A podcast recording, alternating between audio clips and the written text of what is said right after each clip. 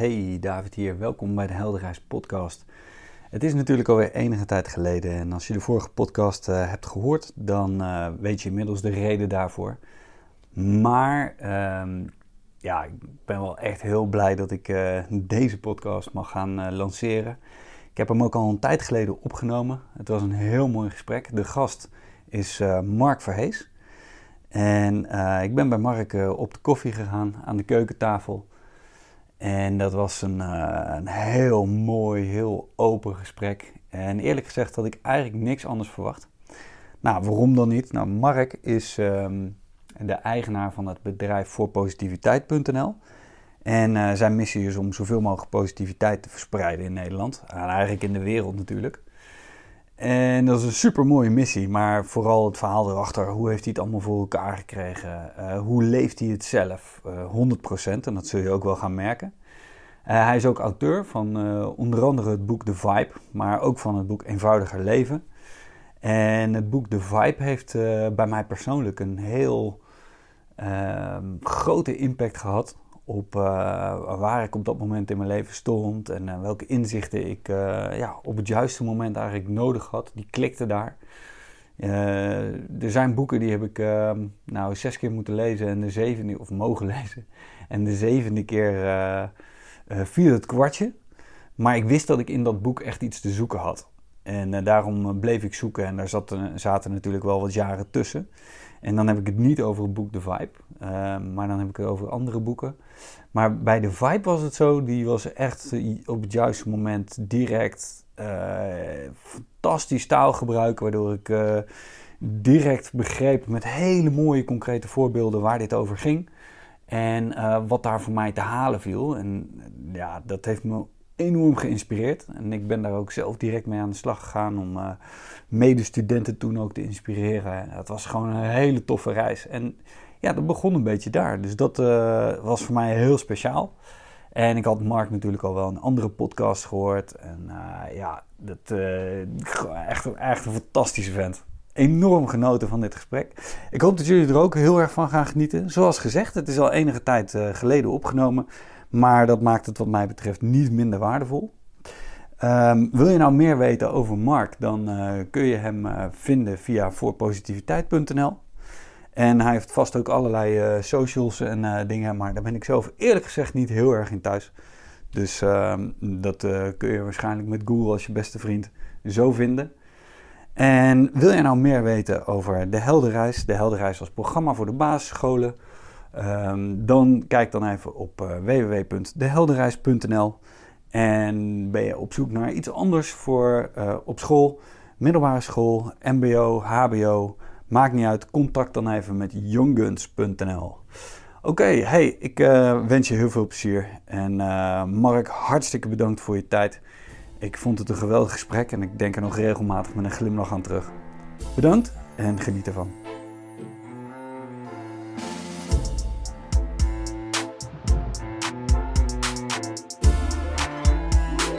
Yes. Nou, beste mensen, welkom bij de Helderreis. Ik zit hier met Mark Verhees. Mark, welkom. Wauw, wat fijn dat je er bent. Ja, nou, ik hier. vind het heel fijn dat ik hier ben. In dit prachtige huis. Ja, het huis van mijn ouders. Dus ja. uh, mooi plekje. Mooi plekje om samen te zijn. De, de, de, de zon, of tenminste, het is lekker licht hier. De zon schijnt op dit moment niet, maar voor ons gevoel misschien wel. Inderdaad, van binnen schijnt de zon. Ja. En uh, dat is, uh, ja, nou, we hebben net een prachtig voorgesprek gehad. Ja. Daar heb ik enorm van genoten. Dus daar wil ik je alvast voor bedanken. En, um, wederzijds, wederzijds. En ik heb het net al gezegd, maar ik zeg het voor de luisteraars van de podcast ook nog even. Uh, onwijs bedankt voor het boek The Vibe. het boek Eenvoudige Leven heb ik nog niet uit, dus daar kan ik nog niet over oordelen. Maar dat hoor je nog van me. Ja, heel goed. Uh, ik vind het sowieso echt fantastisch dat je zoveel waarde levert op een zo'n toegankelijke manier in Nederland. Ja, dat is wel gewoon gaaf überhaupt van een boek, hè? Als je kijkt wat er, waarvoor wijsheid en waarvoor waarde in een boek kan zitten. Ik, heb natuurlijk, ik lees zelf ook heel veel boeken. En ja, dat is fantastisch dat je gewoon voor, voor 15 of 20 euro gewoon een fantastisch boek kunt kopen. Uh, die gewoon je leven kan veranderen. Ja. En dat is niet ieder boek verandert, een, een le- verandert jouw leven. Maar er zijn, je komt ongetwijfeld op je, op je pad een boek tegen waarvan je denkt van... hé, maar dat heeft echt mijn leven veranderd. Yep. Ja. En eh, in mijn geval was de vibe daar één van. Wauw. Ja, super vet. Echt, echt onwijs tof. Dus eh, voor de luisteraars, als je denkt, oh, dat is interessant, ga die ook even checken. Voordat ik je ook doorverwijs naar het nieuwe boek, Eenvoudige Leven, zeker ook de vibe. Dat heeft voor mij onwijs veel gedaan. Ehm, en ik leef ook, dat besef ik me, uh, nog steeds in mijn eigen bubbel. Dus ik ga veel uh, om in de, de, kringen van het onderwijs, kringen persoonlijke ontwikkeling. Maar daarbuiten Mooi. zijn natuurlijk heel veel mensen die een beetje een zachte introductie uh, nodig hebben of behoeven om nieuwe stappen te kunnen zetten in hun leven. Ja, mooi.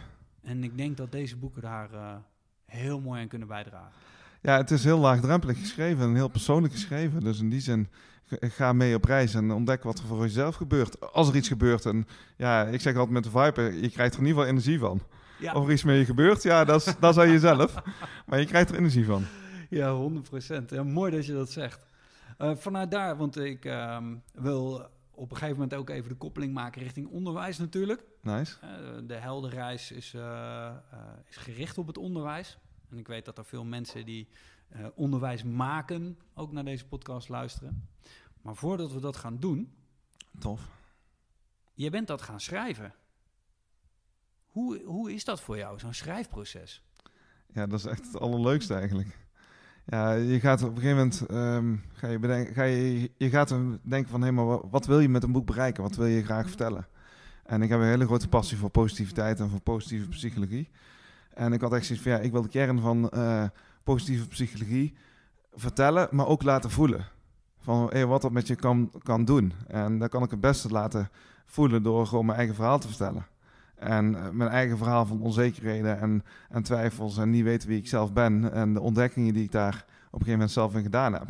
En wat positieve psychologie daar vervolgens bij mij heeft, heeft, heeft betekend. En uh, ja, dat is gewoon zo fascinerend. En ik denk dat het ook het mooie van het boek is om... Als je merkt dat je daar zelf met, met schrijven veel meer energie van krijgt... dan weet je dat de lezer dat ook gaat krijgen. Dus uh, ja, de energie die je voelt, die heb ik ook gevoeld terwijl ik het schreef. En dat heb je altijd al gehad? Vanaf het eerste uh, boek dat je schreef tot, uh, tot aan nu? Nee, nee. Ik ben in eerste instantie gewoon met een blog begonnen. En dan vond ik het gewoon leuk om, om, om, om te delen wat, er, wat ik leuk vond. En langzamerhand merkte ik in één keer van dat ik het ook wel fijn vond om gewoon dingen uit mijn eigen leven te delen. En ik werd een beetje uh, minder onzeker daarin. En de kwetsbare verhalen ook ging delen. En merkte eigenlijk dat het voor mezelf heel erg bevrijdend werkte. En ja, als je gaat bloggen, dan ga je op een gegeven moment, tenminste werkt dat bij mij, dan wil ik er op een gegeven moment ook beter in worden. Wil ik kijken van, maar hoe kan ik nog meer, nog meer betekenen daarin? En vanuit die drive eigenlijk om beter te worden, uh, ben ik uh, mijn eerste boek gaan schrijven en vervolgens ook mijn tweede boek gaan schrijven. En ja, daar ook gewoon iemand bij gevraagd die gewoon ook echt gewoon super mooie reflecties gaf. Echt een coach die me daarin fantastisch heeft begeleid. Oh, wat heel mooi, mooi om te horen. En ik hoor nu al allerlei koppelingen naar uh, de traditionele heldenreis van uh, Joseph Campbell. Uh -huh. Dus dat is, de, maar daar komen we zo nog wel even op. Um, de blog. Je bent gestart met, uh, met de blog en heb je daarna, ben je daarna de challenge met jezelf aangegaan van de duizend dagen achter elkaar positiviteit? Ja, dat is leuk dat je erover begint. Nee, want ik begon met positieve psychologie, kwam ik in aanraking. En toen, ja, dat was echt een jas die mij als gegoten zit. Ik kreeg er heel veel energie van, dus ik had echt zoiets van, nee, daar wil ik meer mee doen. En ik had inmiddels al uh, geleerd vanuit dankbaarheid, als je er elke dag mee bezig bent, dan verander je je brein. Dan ga je veel meer gedurende de dag dingen opvallen waar je dankbaar voor bent en waar je van kunt genieten. En uh, die fascinatie eigenlijk van, hey, als je dus meer met positieve dingen, meer, meer met dankbaarheid bezig bent, uh, ga je meer daarvan krijgen eigenlijk. Alles wat je aandacht geeft, groeit. Um, ja, daar had ik echt zoiets van, nou, dan ben ik benieuwd naar wat dat met me gaat, gaat doen als ik er echt langer mee bezig ben. Dus ik wilde gewoon een afspraak met mezelf maken. En toen bedacht ik voor mezelf van, hé, maar dan ga ik gewoon duizend dagen achter elkaar elke dag een positief bericht op mijn website plaatsen. En uh, ik had het idee eigenlijk om uh, van duizend naar nul terug te, te, tellen. En het bijzondere eigenlijk, ik had van tevoren niet, niet echt over nagedacht van... hé, maar dat hoe lang dat was. Dat is bijna drie jaar. Ja, dat is echt heel Dat is echt heel erg lang. En ook helemaal niet nagedacht over persoonlijke eh, problemen die je daarmee hebt. Van, we gingen op een gegeven moment ook op vakantie, maar hey, hoe ga je er dan mee om? hey, je, zit in één keer met elke dag. Elke Ja. dag een positief bericht. Het is gewoon elke dag. Ja, En dat drie jaar lang. Maar het mooie is, ja, het vermoeden vanuit die, die, die ja, de innerlijke weten eigenlijk al, dat als je elke dag ergens mee bezig bent, dan wordt het meer. Eh, ja, dat, dat was ontzettend bevestigd. Dus die duizend dagen, die hebben mijn leven veranderd. Ik ben opener geworden, ik ben positiever geworden. Eh, ik heb mijn baan opgezegd, eh, mijn passie gevolgd. Eh, en toen had ik zoiets van, nou, als ik dan toch aan het bloggen ben, dan kan ik ook een boek van schrijven. ja, je noemt het even zo tussen neus en lippen door, maar dat, dat zijn nogal grote dingen. En daarvoor noemde je, Ja. op het moment dat je daarmee bezig bent, dan verandert dat je brein. Ja, Dus je hebt eigenlijk in drie jaar tijd heb je je brein omgeprogrammeerd, mag ik het zo zeggen? Ja, zeker, zeker. Mijn werkelijkheid is anders geworden. Dus ik kijk anders naar de wereld. Heel anders naar de wereld dan dat ik voorheen deed. En ik moet zeggen, ik was altijd al best wel een positief ingesteld persoon. Ik ben eh, nog veel opener geworden. Eh, en ja, veel optimistischer. Dus ik kan heel makkelijk, eh, veel meer veerkracht eigenlijk ook. Dat is echt wel een van de kenmerken waar ik, waar ik echt, ja, een van de resultaten eigenlijk die, die positiviteit mee heeft gebracht. En wa- waar zit dat hem in? Ja, de, het idee is eigenlijk van eh, als je voldoende positief, als je go- gezonde balans hebt tussen negatieve en positieve emoties. Eén staat tot minimaal drie positieve, één negatieve emotie, minimaal drie positieve emoties tegenover hebt staan. Dan ehm, krabbel, je, eer- eh, krabbel je sneller op. Dan eh, gebeurt er nog steeds iets heftig en dan raak je nog steeds heel diep. Maar de positieve emoties die zorgen dat je weer gaat opkrabbelen. Dus dat je weer eh, ja, zin krijgt in dingen. Ja. En die positieve emoties heb je dus heel erg graag nodig. Maar als er dus al iets meer in je systeem zit om die te ontdekken en te ervaren, eh, dan herpak je jezelf ook sneller. En dat is eigenlijk ook gewoon iets heel erg moois. Van nee, er gebeuren, in ieders leven gebeuren er heel veel negatieve dingen ook. En dat mag ook. Dat is ook zo. En ik bedoel, we leven ook in een tijd die best onzeker is. Eh, ja, en dan, eh, als je dan merkt van hey, die positieve emoties, die, die helpen je dan echt verder om, om de volgende stap te zetten. En eh, jezelf te herpakken en proactief verder te kijken. Ja, dat is echt gewoon tof. Dat is echt gewoon tof. Dus ja, het heeft wel veranderd, ja. Ik noem mezelf nu ook wel manisch positief. Ah, mooi. Ik vind het zelf gewoon een mooie term. Ja, is leuk. ja, inderdaad. De connotatie met, eh, met manisch is natuurlijk anders, waardoor je een hele leuke schijnbare tegenstelling krijgt, wat het Ja. niet is. Nee, Mooi. Hey, ehm, wat ik me eh, afvroeg, of wat ik eigenlijk er tussendoor hoor, maar misschien trek ik de verkeerde conclusie, dus ik hoor graag van jou of ik er een, een- misschien naast zit, laat misschien niet. Ehm, juist, verkeerd is alleen maar een perceptie, hè? zeker waar, Of goed Mark. of fout. Zeker waar. Juist door, door eh, positiviteit, door het eigenlijk omtrainen van je, van je eh, hè, hersengroeven eigenlijk, om het Mhm. zo maar te noemen, de, de groeven in de plaat, heb je het voor elkaar gekregen dat je opener bent geworden, kwetsbaarder durft te zijn. Ja.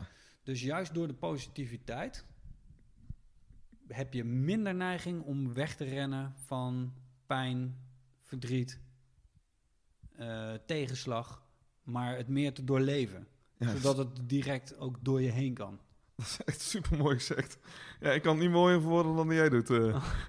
nee, Oh, eh, dankjewel. ik, ik geloof dat echt zo. Want eh, ehm, we hebben allemaal, iedereen kent wel onzekerheid. En die ken ik vanuit mijn, mijn jeugd en vanuit mijn leven ook heel sterk. Ik was een heel onzeker persoon. En ik merkte eigenlijk dat, eh, juist ook als je kwetsbare dingen gaat delen, eh, vanuit positiviteit, vanuit eh, van hey, dat dat er ook mag zijn, dat het echt ontzettend bevrijdend voor jezelf is. En eh, gewoon ontzettend waardevol is.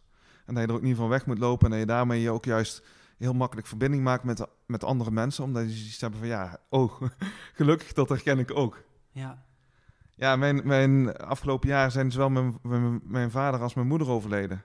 En dus ik heb een super heftig jaar gehad. En ik vind het ook heel fijn om daarover te vertellen. In de zin van ja, wat dat met me doet en eh, ja, hoe ik daar zelf mee omga.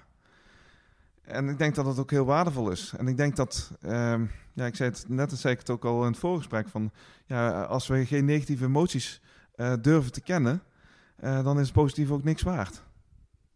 Dus het, eh, de, juist de, de, de combinatie maakt het veel waardevoller. Als je alleen maar positieve emoties zou, zou kennen, zou het leven niks waar, zou het leven niks aan zijn. Exact. Ja. Dus en ja, is in die, ja eh, jij had het heel mooi van, hé, maar er zijn een aantal momenten in je leven waar je jezelf tegenkomt. Ehm, ja, die zijn nu heel erg waardevol. En, en als jij voelt eh, wat dat je toen eh, aan pijn deed, of, ja, of de, de, de fase waar je in zat, dan merk je ook in één keer van, hé, maar waar je nu zit, dat het heel anders is. En dat is alleen maar gewoon een hele fijne constatering. Van, hé, dan weet je ook voor jezelf van, hé, ik ben gegroeid en ik ben met de goede dingen bezig. Ja. Maar dan is het negatief is gewoon super waardevol. Ja, ja absoluut. Absoluut. En eh, nou ja, het is natuurlijk een eh, publiek geheim dat op het moment dat je negativiteit in je leven eh, echt wegdrukt, of positief, of hoe zeg je dat, onderdrukt, dus de deksel op de snelkookpan houdt, Ja, dan krijg je hem alleen maar keihard terug. precies, dan gaat dat mis. Ja. En eh, ik heb natuurlijk een aantal podcasts met jou geluisterd. Uh-huh. Eh, nou ja, niet net hier samen met jou, maar Ja? waar jij in zat. En ehm, in die podcast kreeg jij, eh, misschien met uitzondering van één, kreeg jij elke keer de vraag: ja, maar Mark, positief, je kan toch niet altijd positief zijn? En dat is dan de, eh, de gedachte of de koppeling die mensen heel snel maken. Dat voor positiviteit, hè, jouw Ja, manisch positivisme waar jij voor staat, Uh-huh. dat dat gekoppeld wordt aan het doen alsof er geen ellende bestaat. Maar dat is dus absoluut niet waar. Nee, uh, Sterker integendeel. Ja. Juist. Maar ik, ben heel, eh, ik kan heel positief zijn over de dingen die nog negatief zijn. Niet omdat ze, negatief, niet de- omdat ze dan positief zijn, maar gewoon om, eh, om, het, om het negatief gewoon echt te accepteren. En het te, te omarmen en er te laten zijn. En eh, het feit dat er mag zijn is gewoon veel makkelijker en veel fijner voor jezelf dan te zeggen van nee, alles moet goed zijn. Ja. En het- ja, dat is ook helemaal niet leuk. Nee. Ja, ik vind er helemaal niks leuks aan. Dus in die zin eh, lopen we er totaal niet voor weg, maar omarm het gewoon. En, en wees ook gewoon... Ik kan ontzettend dankbaar... Mijn, mijn schoonvader is eh, acht- 18 november 2009 overleden. En voor mij was dat echt gewoon echt het dieptepunt in mijn leven... waar ik echt zoiets had van, er kwam keihard binnen. Eh, en nu ben ik gewoon heel erg dankbaar voor die dag. Heel dankbaar voor, voor wat die dag mij gebracht heeft. En wat zijn overlijden, want natuurlijk... Er is niks, er is niks positiefs aan zijn overlijden. Maar eh, wat, die, wat die dag gebracht heeft en zijn overlijden mij gebracht heeft, ja, dat is echt wel gewoon super waardevol. Ja, En super mooi. Mijn leven is daardoor veranderd. precies. Ja. En in die zin is een, een eye-opener, en vaak zitten de eye-openers in de dingen waar je in, te- in vastloopt. Ja, die kunnen super waardevol zijn. En ook heel erg inspirerend voor jezelf zijn. Als je weet wat je niet wil, is een fantastisch mooie bron voor wat je wel wil. En dan zit vaak gewoon in het tegenovergestelde. Wa- Was jij in die tijd al bezig met positieve psychologie? Nee, eh, eh, eh, op het moment dat mijn schoonvader overleed niet. Nee, want ik had eigenlijk gewoon... Ik had gewoon, gewoon studie gedaan. stu- bestuurs- en organisatiewetenschap in Nijmegen. En ik was na het studeren was ik echt helemaal klaar met alle boeken en alles studeren. Dus ik heb echt gewoon tien jaar lang gewoon echt geen boek meer aangeraakt.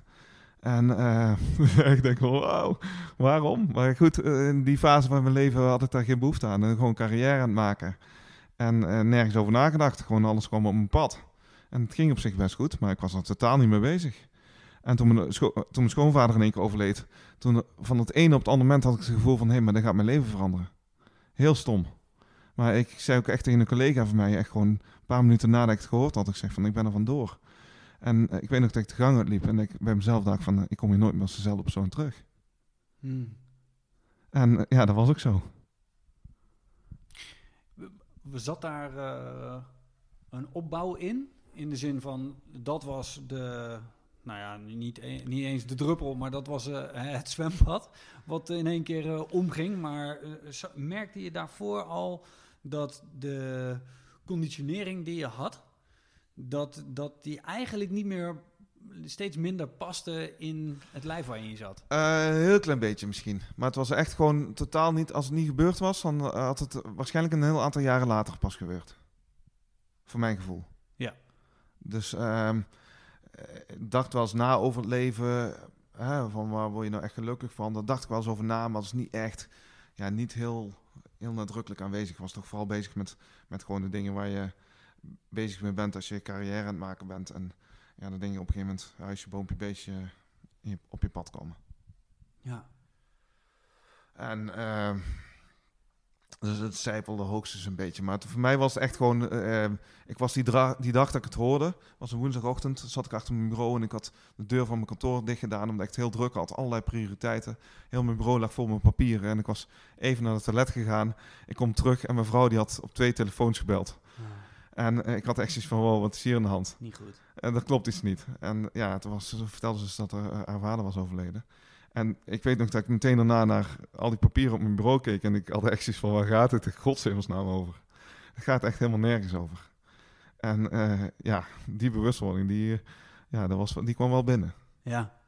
En die maakte waarschijnlijk ook dat ik dacht van... hé, hey, maar ik moet misschien iets meer bezig gaan houden met wat echt belangrijk voor mij is. Ja. Ja, want we hadden het er net over, uh, ook in het voorgesprek, we hebben een interessant voorgesprek gehad. in het voorgesprek hadden we het erover dat uh, eigenlijk we allebei beaamden, van, joh, ik kan me eigenlijk niet meer voorstellen dat mensen dat dan nog steeds willen. Hè, als ik nu mezelf uh, zou weer, weer zou verplaatsen in die rol, ja, dat, het past niet. Ik zou er niet naar terug willen. Exact. En ik, omdat ik weet, en jij weet dat ook, hoeveel het je gebracht heeft. Ja. En uh, dan word je alleen maar nog veel nieuwsgieriger naar. Van hé, maar als dit me allemaal al gebracht heeft, wauw, wat gaat dat voor de toekomst betekenen? En uh, eenmaal op het pad en, en, daar smullend van, ja, dan word je ontzettend verlangend. Ja. En dat is alleen maar heel erg gaaf. Dat geeft je ook heel veel energie.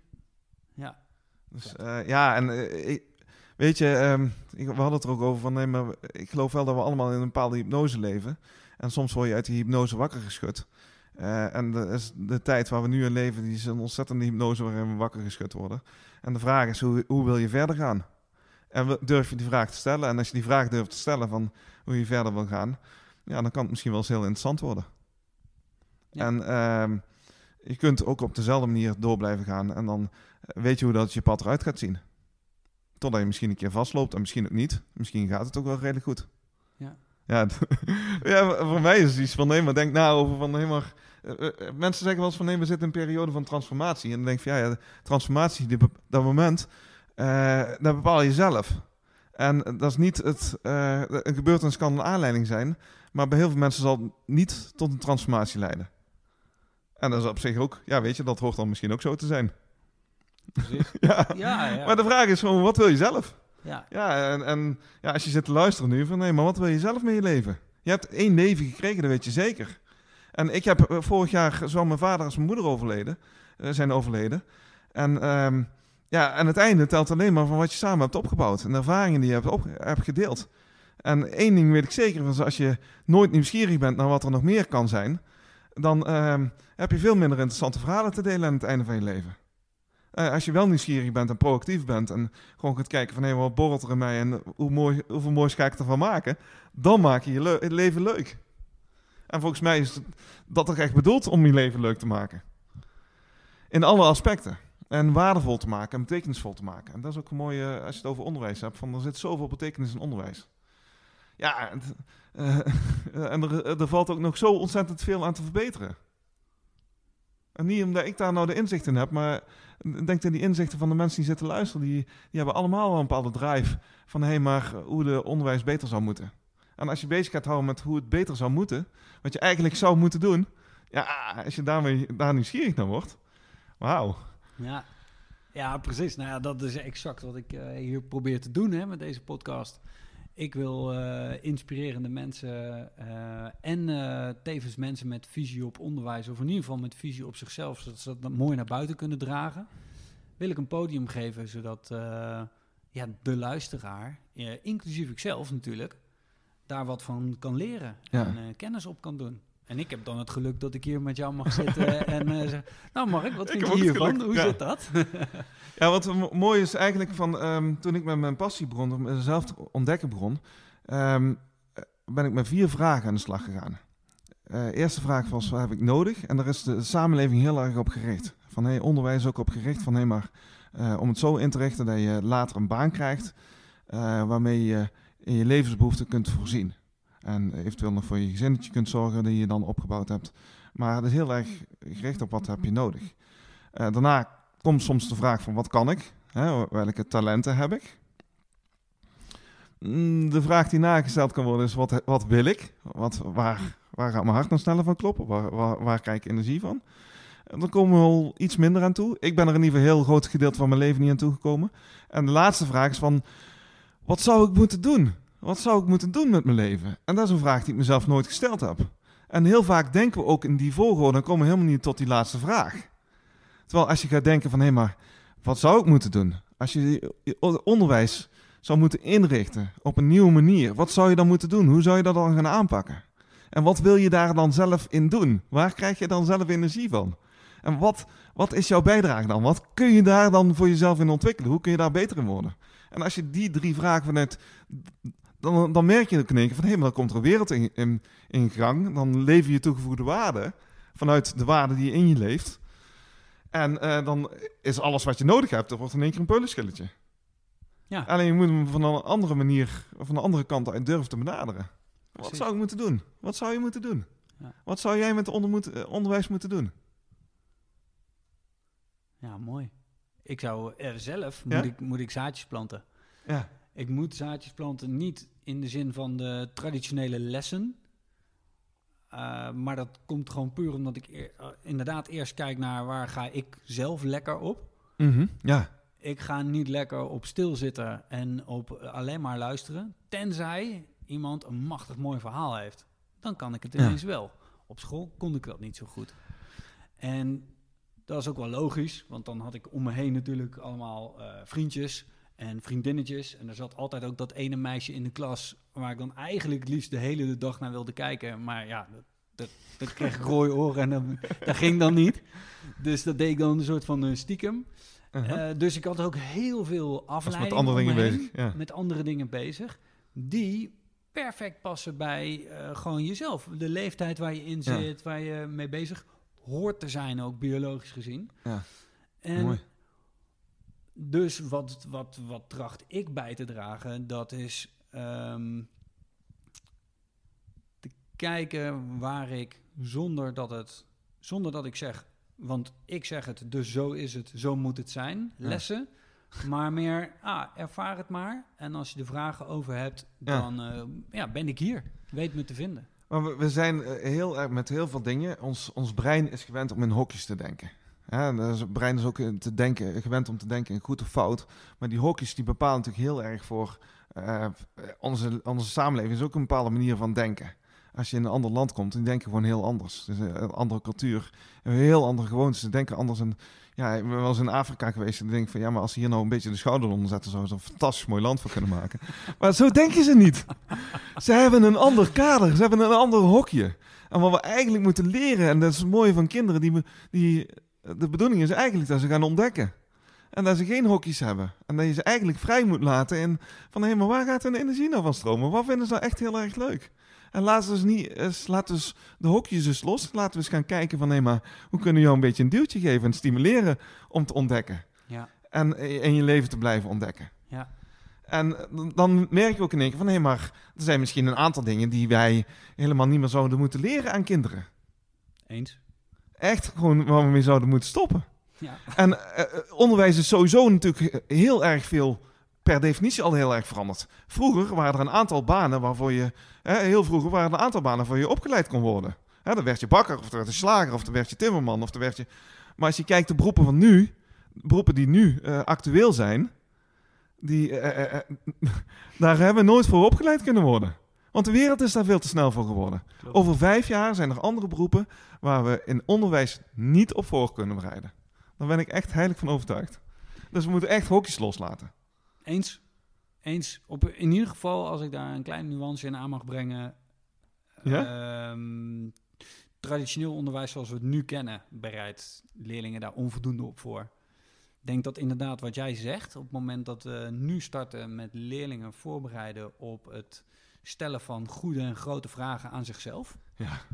Dan uh, creëer je allemaal individuele units die uh, heel goed weten waar ze naartoe willen. Ja, eh, de, de bedoeling is eigenlijk dat mensen zich ontwikkelen tot gewoon hele, eh, hele krachtige, sterke personen. En hele gelukkige personen. En dat vind ik ook altijd het leuke van, nee, maar als je aan ouders vraagt van, wat wil je dat je kinderen later worden? Ja. Dan geven ze altijd hetzelfde antwoord. Ja, gelukkig. En zijn we daar ook mee bezig? Ja, nee.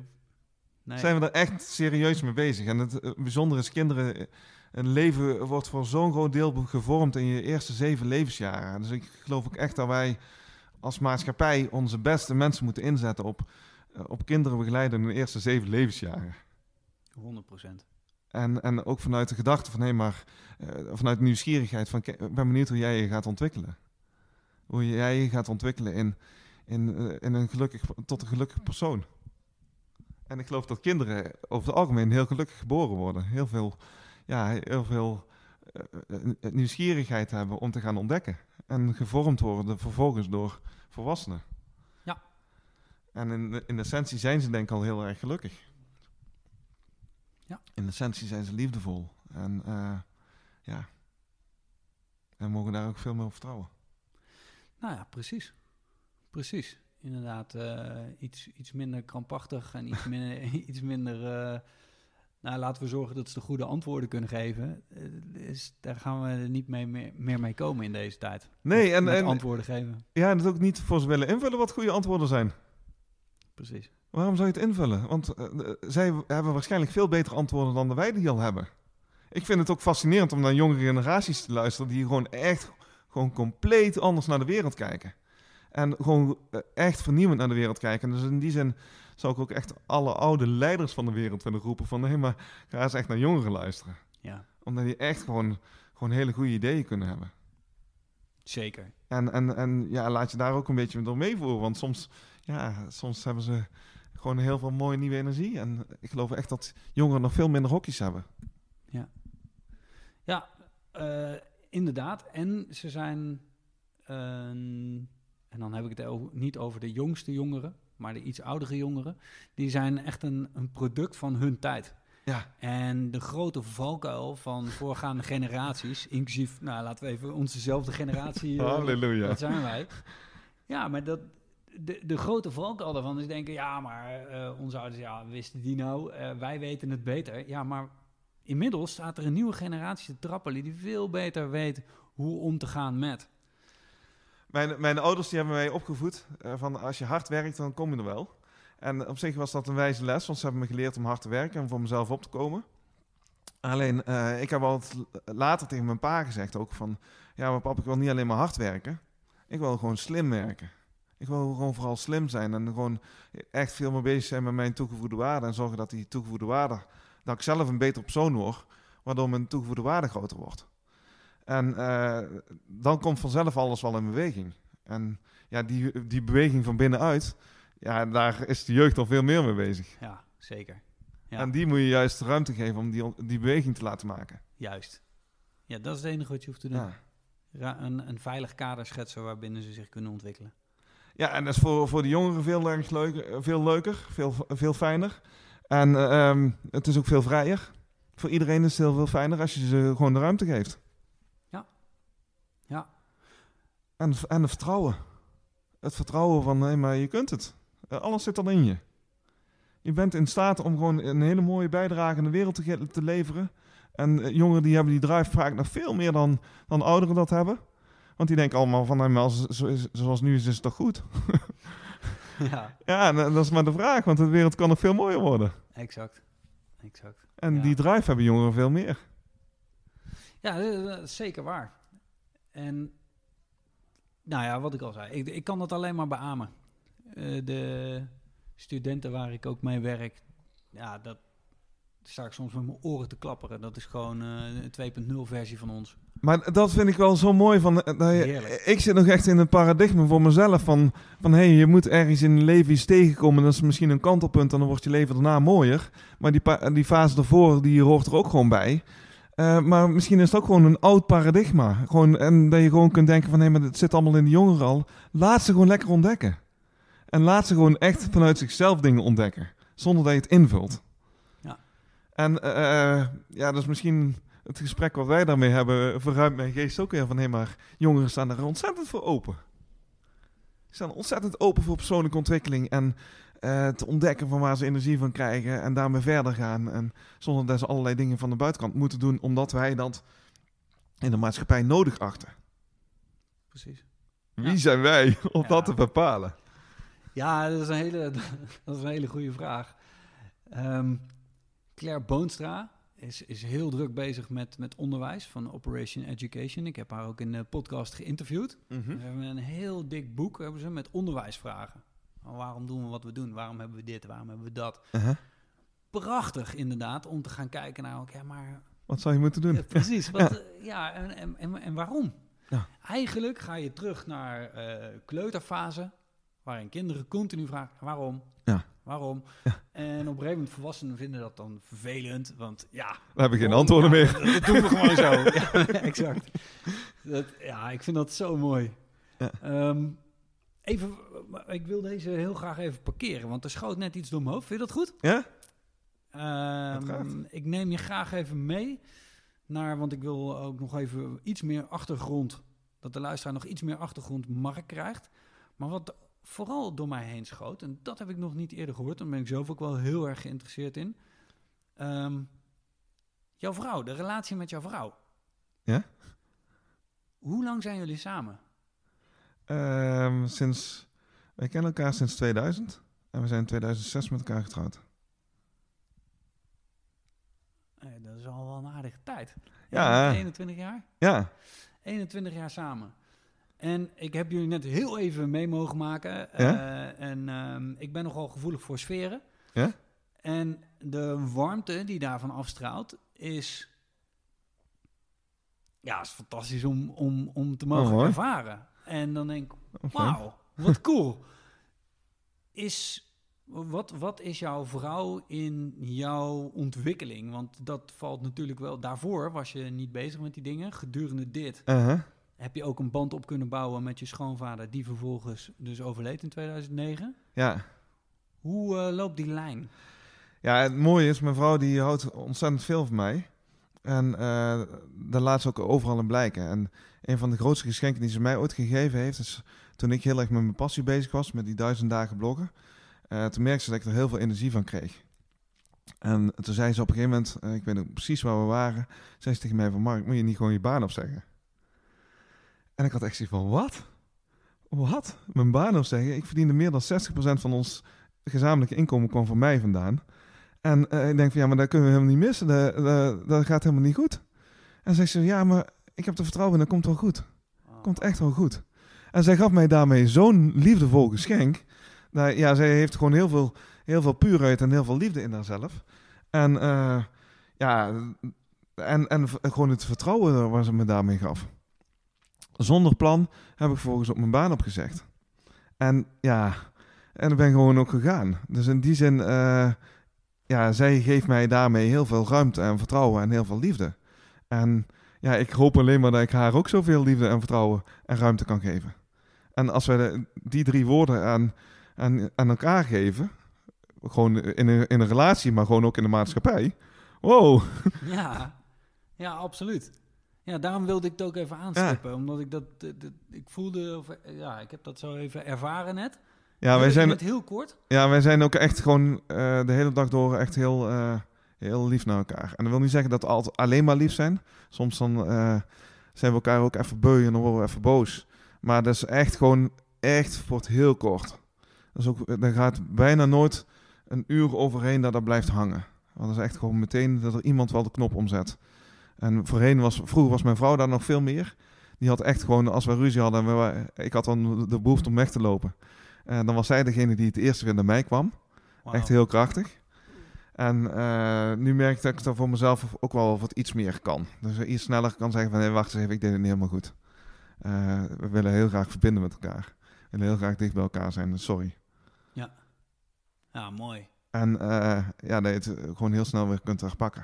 En het is niet erg dat het misgaat. Dat is ook heel, heel, geeft heel veel inzichten. En mag ook gewoon zijn.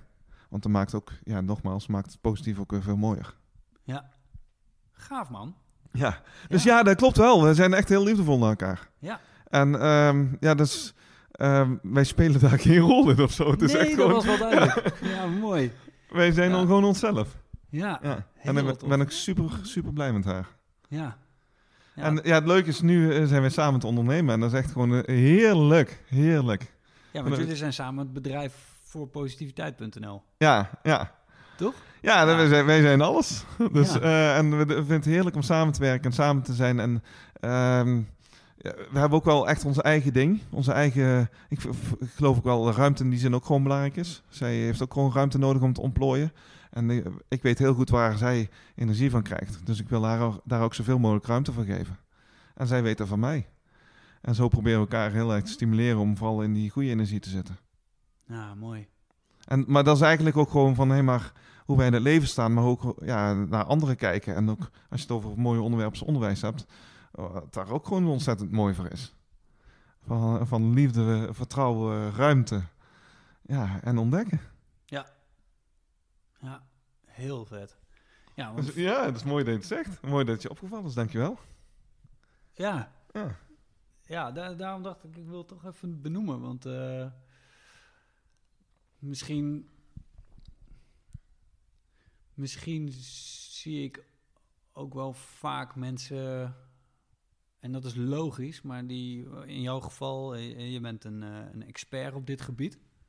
Ehm, en ik zie dan vaak dat er ook een bepaalde omgeving is binnen het leven van zo iemand, die ervoor heeft kunnen zorgen dat je geslingshot bent. Ja, dus je was er zelf ook wel gekomen, maar met deze omgeving kun je tien keer harder. Maar dat is wel zo ontzettend mooi wat je dat zegt. Want eh, ja, de, de, de centrale wijsheid in persoonlijke ontwikkeling is ook wel de, de, vijf mensen in je directe omgeving die heel erg bepalend zijn voor je eigen ontwikkeling. Is natuurlijk ook gewoon ontzettend belangrijk. En daarom vind ik onderwijs ook gewoon echt zo ontzettend belangrijk. Van hé, maar we vertrouwen onze kinderen van onze, onze toekomst, vertrouwen we toe aan mensen. Uh, ja, weet je, dat is zo ontzettend belangrijk. Die hebben zo'n bepalende rol in de ontwikkeling van, van een mens, van een nieuw mens. En, en daarmee ook van de maatschappij ja, weet je, dan moeten we onze beste energie in stoppen. En eh, dat is gewoon ontzettend belangrijk. Ja, en je noemde namelijk net die vier vragen. Ja. Dat, uh, de kaders die je eigenlijk hebt omgedraaid. Ja, wat zou ik moeten doen, wat wil ik, wat kan ik en wat heb ik nodig? Exact. En vervolgens zei je daar achteraan heel kort van... ja, nou, maar als je dat gaat doen, uh, dat lijkt dan misschien eng... maar de, alles komt, gewoon, komt dan gewoon goed. Ja. Ja, dan stel je zit in het andersom denkpatroon. Het laten we het even traditionele denkpatroon noemen. Hoe weet jij dat het dan goed komt? Omdat als je in jezelf vertrouwt en als je in jezelf gelooft en in wat jij hebt bij te dragen aan de wereld echt vertrouwt, dan dat is echt je allergrootste kans om toegevoegde waarde te leveren aan de maatschappij. En als je toegevoegde waarde levert, dan komt er ook altijd iets terug. Dat zijn gewoon ja, dat zijn gewoon geven en nemen wetten. ik bedoel, als, jij, als ik heel veel betekenis, van betekenis ben voor jou, dan kijk jij anders naar mij. En dan gun je mij ook veel meer dan, dat je, dan ik jou een streek heb geleverd. Dus in die zin, als je je toegevoegde waarde vergroot, dan uh, komt het vanzelf goed, automatisch. Je grootste uitdaging is om gewoon je eigen toegevoegde waarde te vergroten. En als je iets heel erg goed kunt, als je heel goed kunt schilderen, zorg dat je nog een veel betere schilder wordt en dat je echt je passie erin legt. Maar weet je, dan maak je zo ontzettend veel mensen blij mee. Uh, de enige uitdaging is niet zozeer van de resultaten die je haalt. De enige uitdaging die je hebt is om beter te worden in wat je echt graag doet. Ja. En dus in die zin, positieve psychologie gaat heel erg over het ontwikkelen van je talenten. Gewoon waar je energie gaat stromen en dat verder mee bezig te zijn. De rest is allemaal gewoon ja, uh, ruis. Ruis, ja. Is echt ruis. Ja, ja mooi. Dus la, stop met die ruis en, en, en ga luisteren wat er in, je, in jezelf borrelt. En hoe, hoe zouden nou ja, jongeren, maar ook volwassenen, hoe zouden ze dat kunnen doen? Hoe luister je naar jezelf? Ja, het mooie is, eh, ik ben tot inzichten gekomen toen ik mijn ouders op een gegeven moment vragen ging stellen van, hé, maar waar kreeg, wat deed ik vroeger graag? Waar kreeg ik energie van? Hoe ken jij mij? En uh, mijn, uh, mijn moeder en mijn vader hadden allebei een antwoord op. En uh, mijn moeder zei, maar als wij vroeger op vakantie gingen, dan uh, gingen we wat met oom en tante van ons, met twee neven van ons. En dan vond jij het altijd leuk om s'avonds een badmintontoernooi te organiseren. Om iedereen bij elkaar te brengen. En ik dacht van, oh, saamhorigheid, dat is mijn kernthema. Mijn pa die vertelde volgens een verhaal, als wij vroeger op vakantie gingen, dan uh, reizen we met de caravan, reizen we vaak s'nachts. En je moeder en je broer lagen dan te slapen. En je merkte het al aan mijn emotie. En jij bleef dan wakker, jij zat dan achterbij. En jij had echt zoiets van, nee maar, pap, dit doen we samen. Ik ben er voor je. Ja. En mijn pa vertelde mij. En allebei vond ik waardevol, maar dit raakte mij. En dan raakte me nog steeds dat mijn pa dat zei. Ik denk van, hé, hey, maar hier zit veel meer, hier zit veel meer mijn kern. En zelf een positieve bijdrage en er voor iemand zijn, zit veel, veel veel meer mijn kern dan mensen bij elkaar brengen. Wat voor iemand anders misschien veel meer kan zijn. Hè? Maar dus in die zin is het ook gewoon een kwestie van... hé, maar waar, wat raakt je het meeste?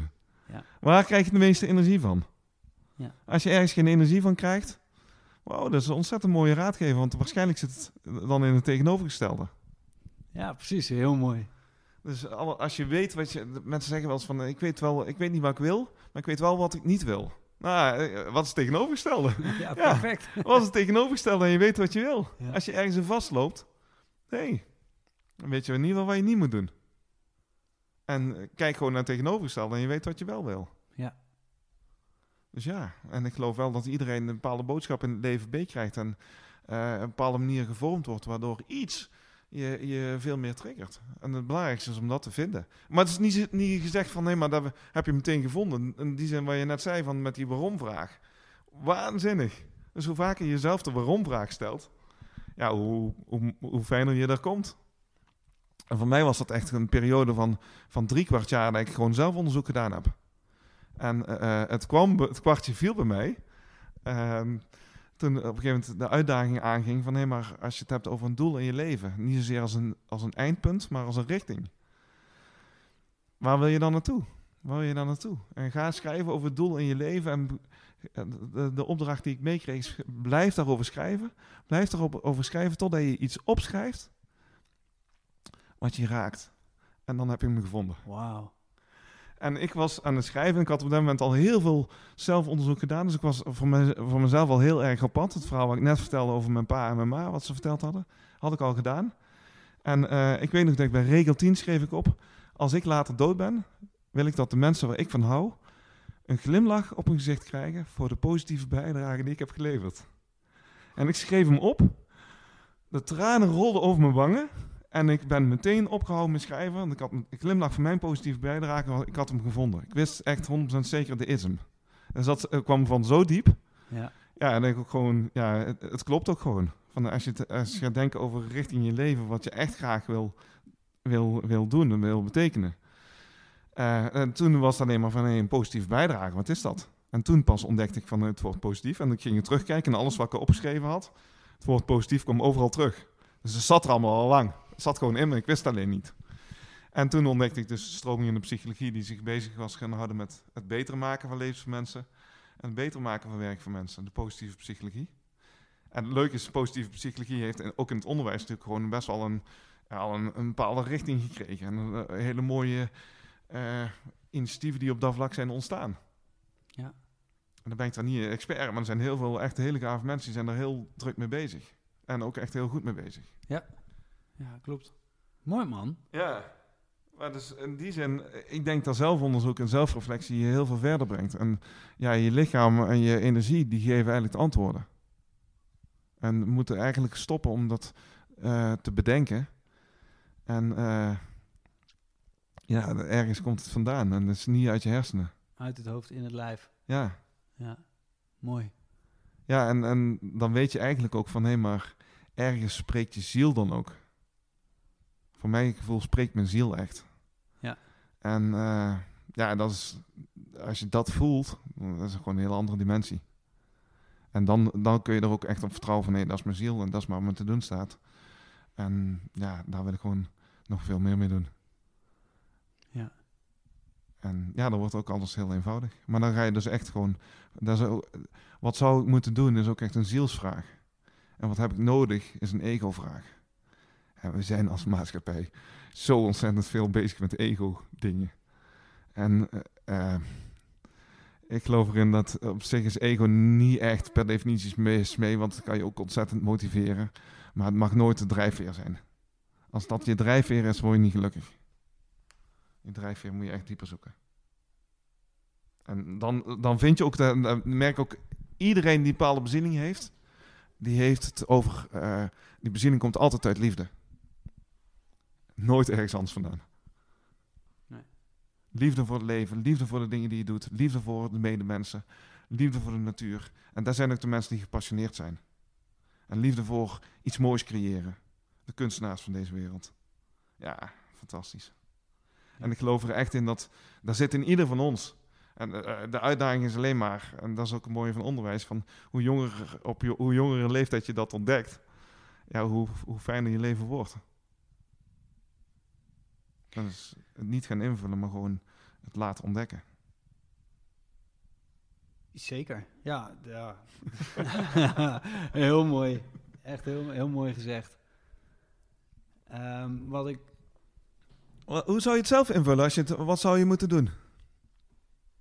Nu. Hoe bedoel je? Als je het hebt over richting in je leven. Hoe zie je je richting in je leven? Als je het hebt over het doel in je leven als een richting. Ja, dat, ik vond het heel mooi hoe je dat zei.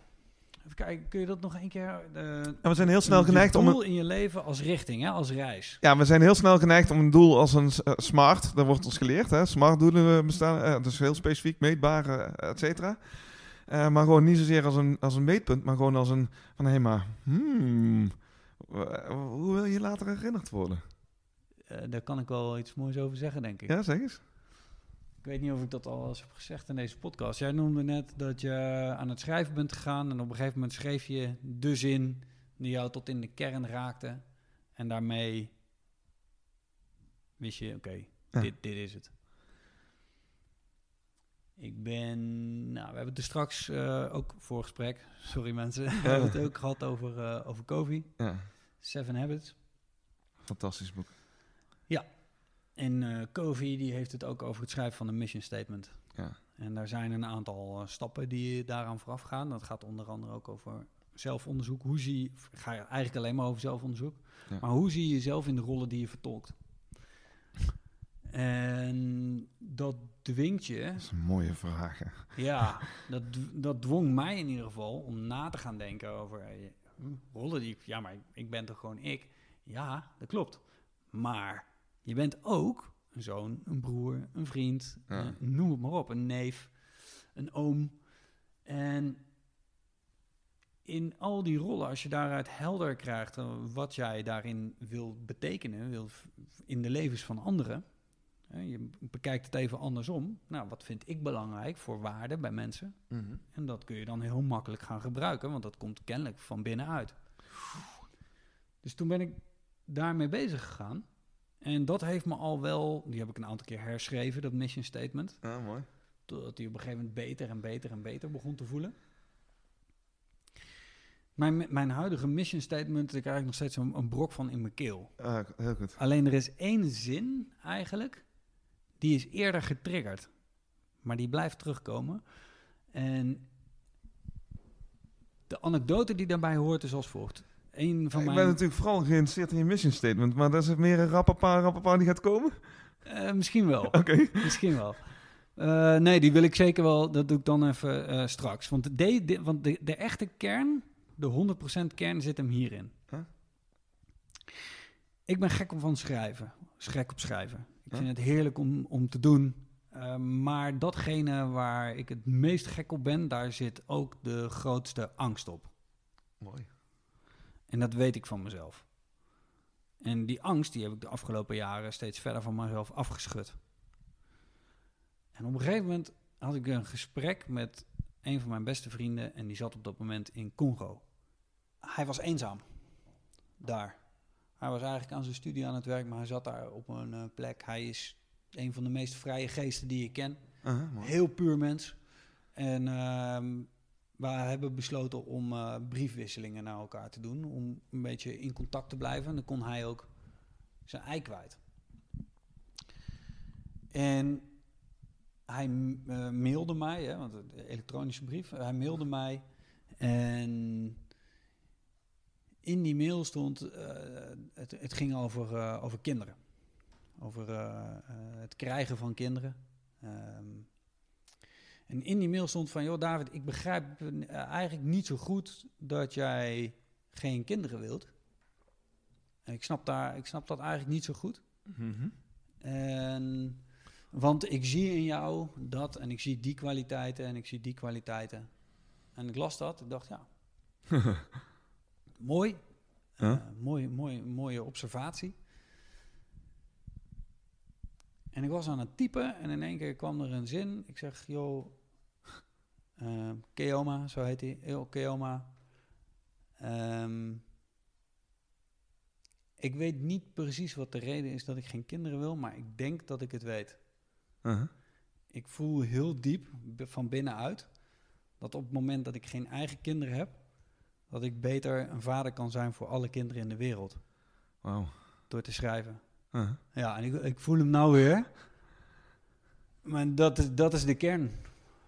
Dat is voor mij de kern. De- daar dan, Uh-huh. ja, en dat is een van de redenen natuurlijk. Maar dat is, dat is waar mijn kern om draait. Om, om, als je het hebt over eh, de, het doel als reis, zorgen dat de levens van jonge mensen makkelijker zijn. Wauw. Ja. Wat gaaf. Ja. ik zie hem ook helemaal aan je, dus... Ja. Ja. maar dat is heerlijk, toch? Dat Ja. is heerlijk om... Weet je, dat is super mooi om, om daar je bijdrage in te stoppen. En daar je, je, je methode voor te ontdekken. Voor, van, hé, maar als dat is wat je zou moeten doen, van, eh, wat, wil je, wat wil je dan doen? Hoe zie je dat voor je? Ja, wil je daar schrijven of wil je daar een podcast mee doen? Of wil je daar... Ja, wie weet wat er op je pad komt. En als je dat, dat wil, van hoe kun je dat ontwikkelen? Hoe kun je daar beter in worden? En ja, dat komt vanzelf alles zelf en dan wordt je impact groter. Ja. En dan komt er vanzelf op een gegeven moment ook gewoon eh, weer meer kinderen die op een gegeven moment zeggen van... Hé, hey, wauw. Ja. Wauw. Je hebt iets in gang gezet. Iets in gang gezet wat al in ze zat. Ja, dat, dat, eh, dat, dat, dat hoop je dan. Het is ook nogal niet een taak natuurlijk. Maar- niet? Ja, maar weet je... ehm, eh, je, je- je- dat is het mooie van als je hem als richting ziet. Want ehm, als je hem als einddoel ziet, als een eindresultaat, dan ben je er nooit. En als je hem als richting ziet, dan ben je er altijd. Ja. Dan ben je gewoon mooi onderweg. Ja. En dan heb je alleen maar de uitdaging van, hé maar, hoe kan ik het nog mooier maken? Hoe kan ik er nog, nog meer impact voor, voor creëren? Exact, exact. En dan ben je er al. Daarom vind ik die benadering van, eh, van jou eh, eh, vind ik erg mooi Ja. om het doel de reis te maken. En je mag best wel eens, eh, soms eh, kleine doeletjes stellen om je ego een beetje te prikkelen en te zorgen dat je vooruit komt. Maar eigenlijk moet je zorgen dat je energie toch vooral komt vanuit, vanuit je ziel en vanuit wat je eigenlijk zou moeten doen. Waar je, ja, je hebt het over, eh, je gebruikte net het woord puur. Een heel puur iemand die je, ont, ja weet je, dat, een puur, eh, dat is een heel apart, bijzonder woord is dat eigenlijk hè. Van wie, welke mensen noemen we puur? De mensen die bijna, het lijkt bijna alsof ze eh, twee lippen en een keel op hun hart hebben zitten. Dus ze Ja. spreken direct vanuit hun hart. Dat zit Ja. niet eerst, er zitten niet eerst hersenen aan, Ja. maar dat komt vanuit, vanuit warmte, vanuit gevoel, vanuit alles. ziel wat er- vanuit je hart. Ja, echt van het binnenste. Ja. En eh, dat is het hele mooie van, dus als je mensen merkt die, die puur zijn, ja, weet je, het is ook heerlijk om mee te connecten. En als je het hebt over een omgeving creëren, ja, jij, jij gaat het hardst op het moment dat je veel mensen in je omgeving hebt die puur zijn, die voor jouw gevoel puur zijn. Dan ga je het hardst op. En niet zozeer om het doel als het hardste te hebben, maar gewoon, gewoon vanuit jezelf van, nee, maar dan ben je zelf ook veel meer puur. En als je puur bent, dan, ja, dan wordt je toegevoegde waarde alleen maar mooier. Ja. Ah, nice. Ja, zeker. Zeker mee eens. Sterker nog, op een gegeven moment kun je, kan ik er ook niet meer omheen. Dan eh, sta ik zo open dat op het moment... Dan krijg ik frictie, zeg maar. Dan merk ik als ik zelf ergens een, een schild op moet doen... dan voel ik dat schild al komen. Dan trek ik dat muurtje en dan denk ik... ja, maar dan is dit, dit is niet oké voor mij. Maar het bijzondere is, de angsten die leven niet vanuit je ziel. Je ziel heeft niks meer angsten. Je, je angsten leven gewoon in jouw hoofd en in jouw perceptie van wat er denkt of hoe je naar jezelf kijkt. Eh, maar jouw, jouw pure ik is al helemaal compleet en volmaakt. Dus als je daar veel meer op vertrouwt, dan heb je ook veel minder angsten. En als je in je hoofd zit, dan, eh, dat kent iedereen natuurlijk wel, van, dan eh, word je onzeker en dan denk je, wie ben ik en wat kan ik er nou, en wat kan ik nou betekenen? Eh, ja, daar gaat het niet om. Laat gewoon je ziel spreken en, Ja. en ga daarop vertrouwen. Ja. En, en dat is gewoon een kwestie van, nee, maar alles wat je aandacht geeft groeit. Hoe meer je daar aandacht aan geeft, hoe minder dat stemmetje gaat spreken. En hoe, hoe doe je dat? Ja, dus heel erg je energie volgen. Als je energie goed is, als ik een boek wil schrijven, moet ik eerst zorgen dat mijn energie echt helemaal goed is. En als mijn energie goed is, dan schrijf ik ook echt dingen op die ik van tevoren niet bedacht had. Dan, dan- ja, ja, dan, Ja, dan, ja. dan kom je in een energie, waar, ja, ja, dan kom je in een oneindig veld. En dan, dan schrijf je beter en dan, ja, dat is gewoon veel, veel, eh, ja, als ik, en als ik heel erg bezig ben met van, oh, ik had met mijn laatste boek, met Eenvoudige Leven, eh, ik ben er in eerste instantie mee gestart van, oh, maar dit boek moet wel beter worden dan eh de Vibe. Ja, dat heeft me een jaar lang vastgehouden. Ja, dat is een gijzeling Dat eigenlijk. is een gijzeling. Ja, Eh, hoe bepaal je dat? Ja, hoe Ook. bepaal je dat? Ja, wat is het criterium daarvoor? Ja. Dat, is helemaal, dat gaat helemaal nergens over. Plus dat je ook gewoon niet beter kunt schrijven als iets beter moet zijn. Ja. Eh, Maar als je eh, gaat vertrouwen op je energie die in je zit en vanuit daaruit gaat ontdekken en dan merk je in één keer van nee, maar ik ben een wijzer mens geworden, ja, dan kan het boek ook beter worden. En van- vanuit vertrouwen en heel erg vanuit energie. Ja, En als je daarop intunt, dan, eh, ja, vliegen. dan vlieg je. En dat is ook volgens mij onze grootste uitdaging. Dus energie is voor mij betreft een hele belangrijke... Ja, energie is de thermometer van je passie. Dus als je je energie goed volgt, dan weet je precies waar je wel en niet moet doen. Ja. Dus als jij nu aan het luisteren bent en je denkt van... hé, maar eh, vandaag zijn er toch een aantal dingen waar ik in vast ben gelopen. Hé, hey, dat is super wijs, super waardevol voor je. Want eh, ja, dan kun je nadenken van wat er gebeurde. En, en kun je dat ook op een andere manier benaderen. En kun je vanuit, van binnenuit k- kijken van... nee, maar wat kan ik er nou aan bijdragen? Hoe kan ik naar de wereld kijken nu? En de onzekere tijd waar iedereen in leeft... van hoe kan ik daar mijn bijdrage aan leveren? Ja, dan merk je in één keer ook van... hé, maar als je daar een bijdrage aan levert met vol positiviteit... afgelopen jaar was echt gewoon een stopjaar. Ja, tuurlijk. Want we Ja. hadden echt gewoon... onze bijdrage was beter geworden... en er was ook nog veel meer behoefte aan Ja. omdat de hele wereld heel erg bezig was met waar behoefte aan was, waren wij bezig met van, hé, maar hoe, kunnen we onze bijdrage verbeteren? Ja. En ja, die ontmoeten elkaar wel. En die ontmoeten elkaar dan soms ook veel sneller dan je durft te denken. Maar dat maakt het niet uit, want weet je, het gaat niet om de resultaat, het gaat om het proces. Ik, eh, 100%. Maar jij, jij, ehm, het mooie vind ik, en ik hoop ook dat eh, de luisteraar daar eh, eh, tijd voor neemt om stil te staan bij. Jij kan zijn zinnen er super snel uitgooien, maar er zit zoveel waarde en diepte in. Ehm, Mooi. maar goed, dat is eh, voor een ieder om dat, eh, om dat op zijn of haar moment eh, op te pakken. Ja, dat, dat is ook wel leuk. Heb je wel eens een boek gelezen, een, een tweede keer een boek gelezen? Ja, dan lees je hem anders, hè? 100% Kom je andere dingen tegen. 100 procent. Ja. Ja, ja. Er zijn maar een paar boeken waar ik dat mee doe, maar inderdaad, dat is... ja, Ja, maar dat vind, ik, dat vind ik zelf ook zo tof om gewoon een boek gewoon, eh, waar je jezelf heel erg geraakt heeft, om dat gewoon daarna nog een keer te lezen. En dan je denkt van wow. En dus soms is het ook wel eens van dat je een boek leest waar je ontzettend in vastloopt. Waar je echt gewoon, oh, dat gevoel krijgt, oh nee, dat kan er niet tegen, ik moet hem weg. Ik weet dat het belangrijk voor me is, maar ik moet hem wegleggen. En ehm dat je denkt van, oh, maar wacht eens even, misschien heb je daar voor jezelf een uitdaging in. Ik had die uitdaging bijvoorbeeld heel sterk om, ik was boek aan het lezen over ehm, mindset rondom geld. En ik had een hele verknipte mindset over geld, die echt gewoon me heel erg beperkte. En dus ik had gewoon ontzettend veel moeite daarmee. Ontzettend veel moeite. ja, En ik kon het ook gewoon niet lezen, weggelegd. En eh, op een gegeven moment toch weer die uitdaging aangepakt. En ik denk van, hé, maar ja, geld is ook gewoon energie. Dus we hoeven er helemaal niet zo moeilijk over te doen. Dus er is ook niks mis mee geld, met geld eigenlijk. Het is echt gewoon de eigen invulling die we daaraan geven, die bepaalt of het goed of slecht is. En waarom zou je jezelf daarin beperken in je eigen mindset erin? En dat is eigenlijk voor alles. Van als je merkt dat je ergens in vastloopt, merk je van hé, maar daar heb ik geen goede energie in. Wow, wat zegt dat over jezelf? Ja. En als die negatief is, van hé, maar hoe eh, kun je, kun je daar zo voor jezelf ook in groeien? Want er, vaak zitten er super waardevolle wijze, lessen in.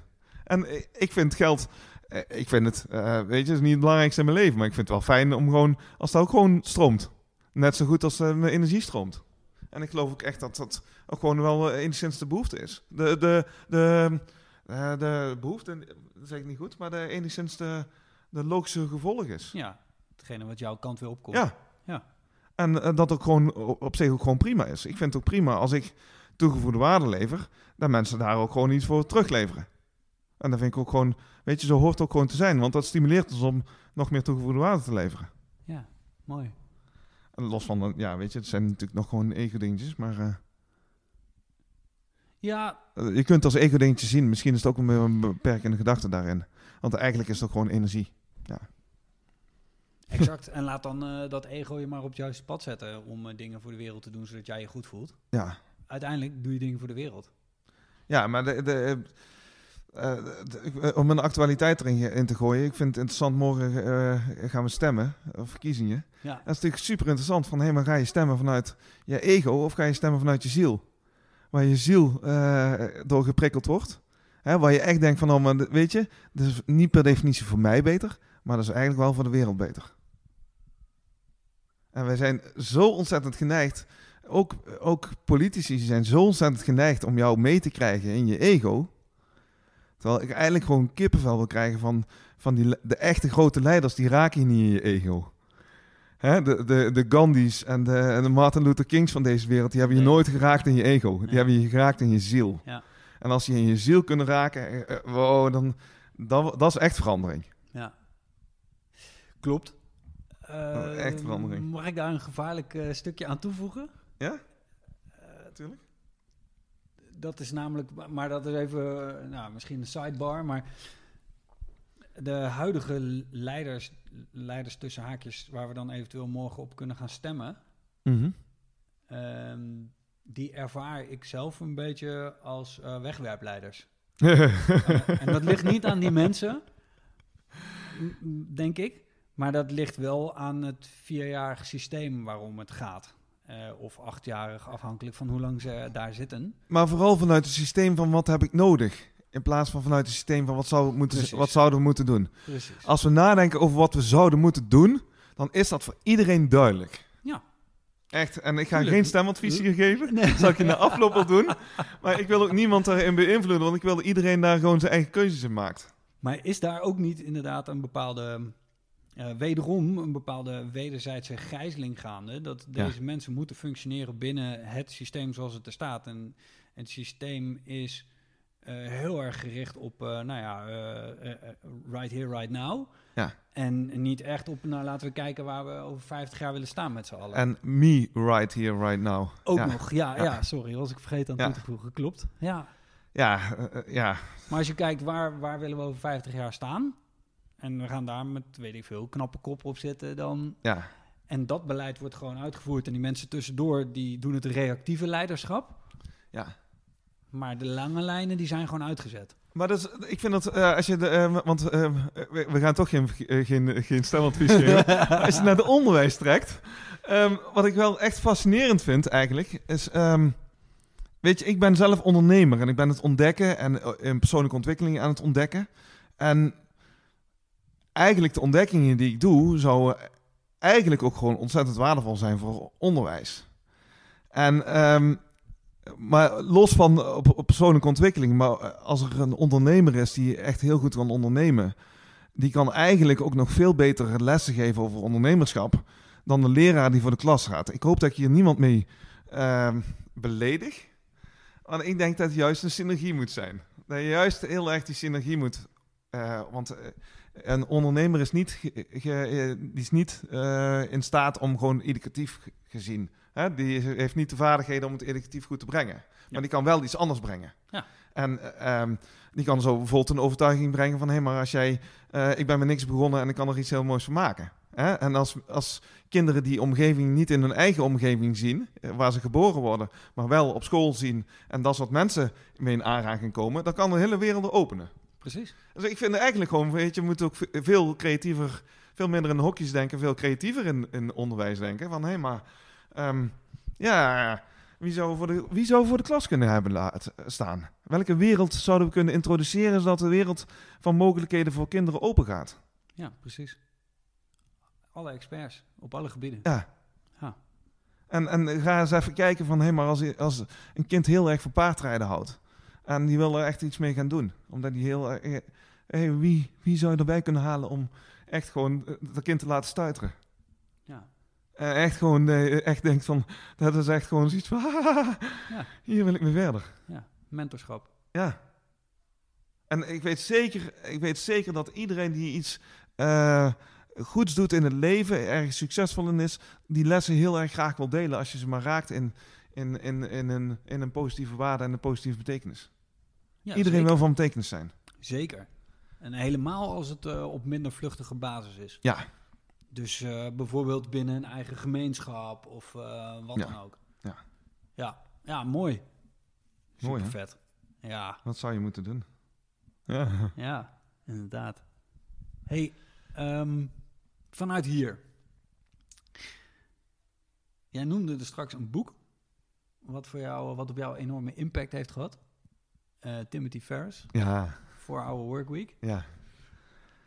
Eh, heeft dat het ondernemersdenken bij jou extra gestimuleerd? Nee, Wat heeft het voor jou gedaan? het vrijheidsdenken. Het vrijheidsdenken, ja, Ja. mooi. Hij, hij schreef heel erg mooi in zijn boek van nee, maar ik dacht altijd in bepaalde systemen, dacht altijd dat ik heel erg graag nodig was. Ehm, en op een gegeven moment merkte hij van nee, maar op het moment dat hij daaruit stapte, omdat hij zelf vast zat, merkte hij eigenlijk dat zijn onderneming die hij eh, leidde, dat hij veel beter ging op het moment dat hij er niet bij was. En dat is echt, ik vond het zo'n heerlijke constatering van nee, maar maak jezelf ook eens onder, eh, niet nodig. En eh, hij had ook heel erg over eh, Pareto, eh 80-20. Ja. Eh, ja, als je terugkijkt op een jaar, dan eh, heeft 20% van je tijd en aandacht heeft voor 80% van de resultaten gezorgd. Ehm, ja, ik werd er heel erg nieuwsgierig van. Ik denk van ja, weet je, als ik die 80% van mijn tijd dan even weghaal en die 20% van mijn tijd die voor 80% van mijn resultaten zorgt, als ik die dan verdubbel, dan heb ik 160% van mijn resultaten überhaupt al. En dan heb ik heel veel vrijheid. ja, Dus gewoon veel meer bezig zijn van wat maakt nou echt het verschil.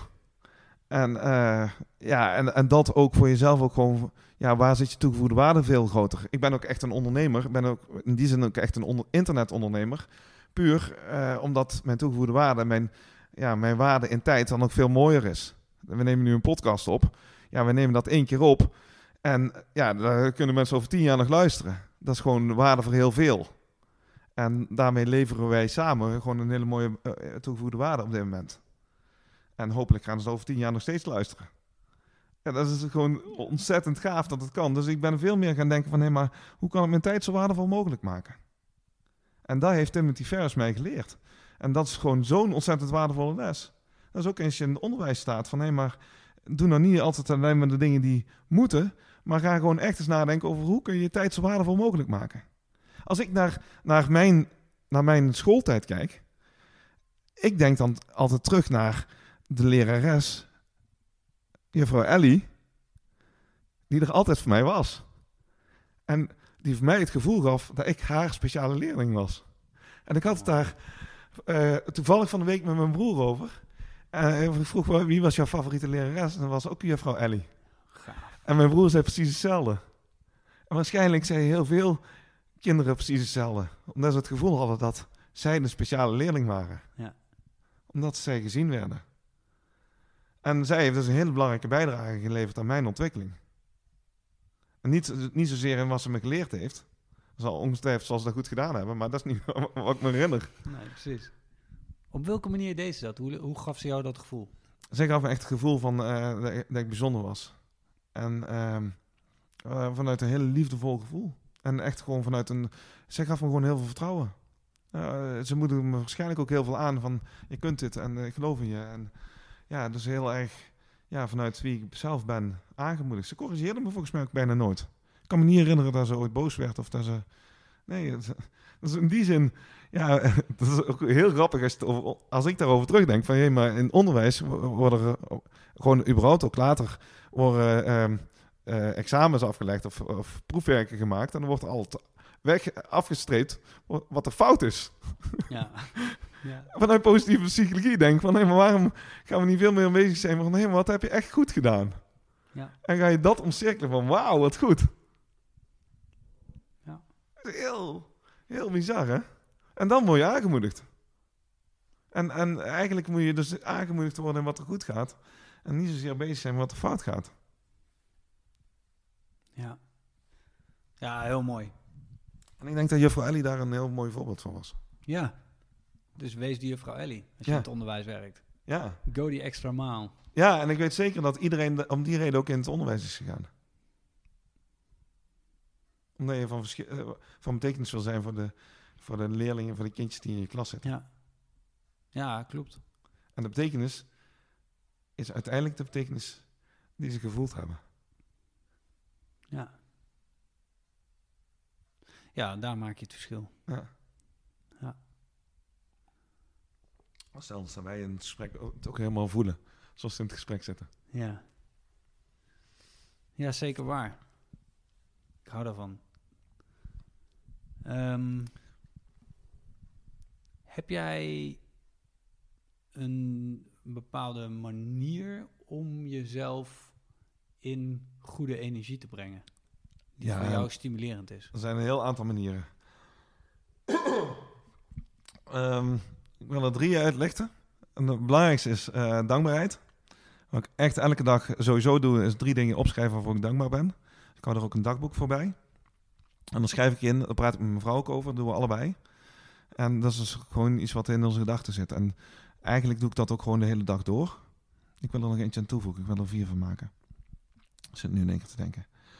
Ehm, en, eh, als ik ergens naartoe ga waar iets van mij verwacht wordt, een makkelijke manier voor mij om relaxed te zijn, is om gewoon echt een glimlach op te zetten.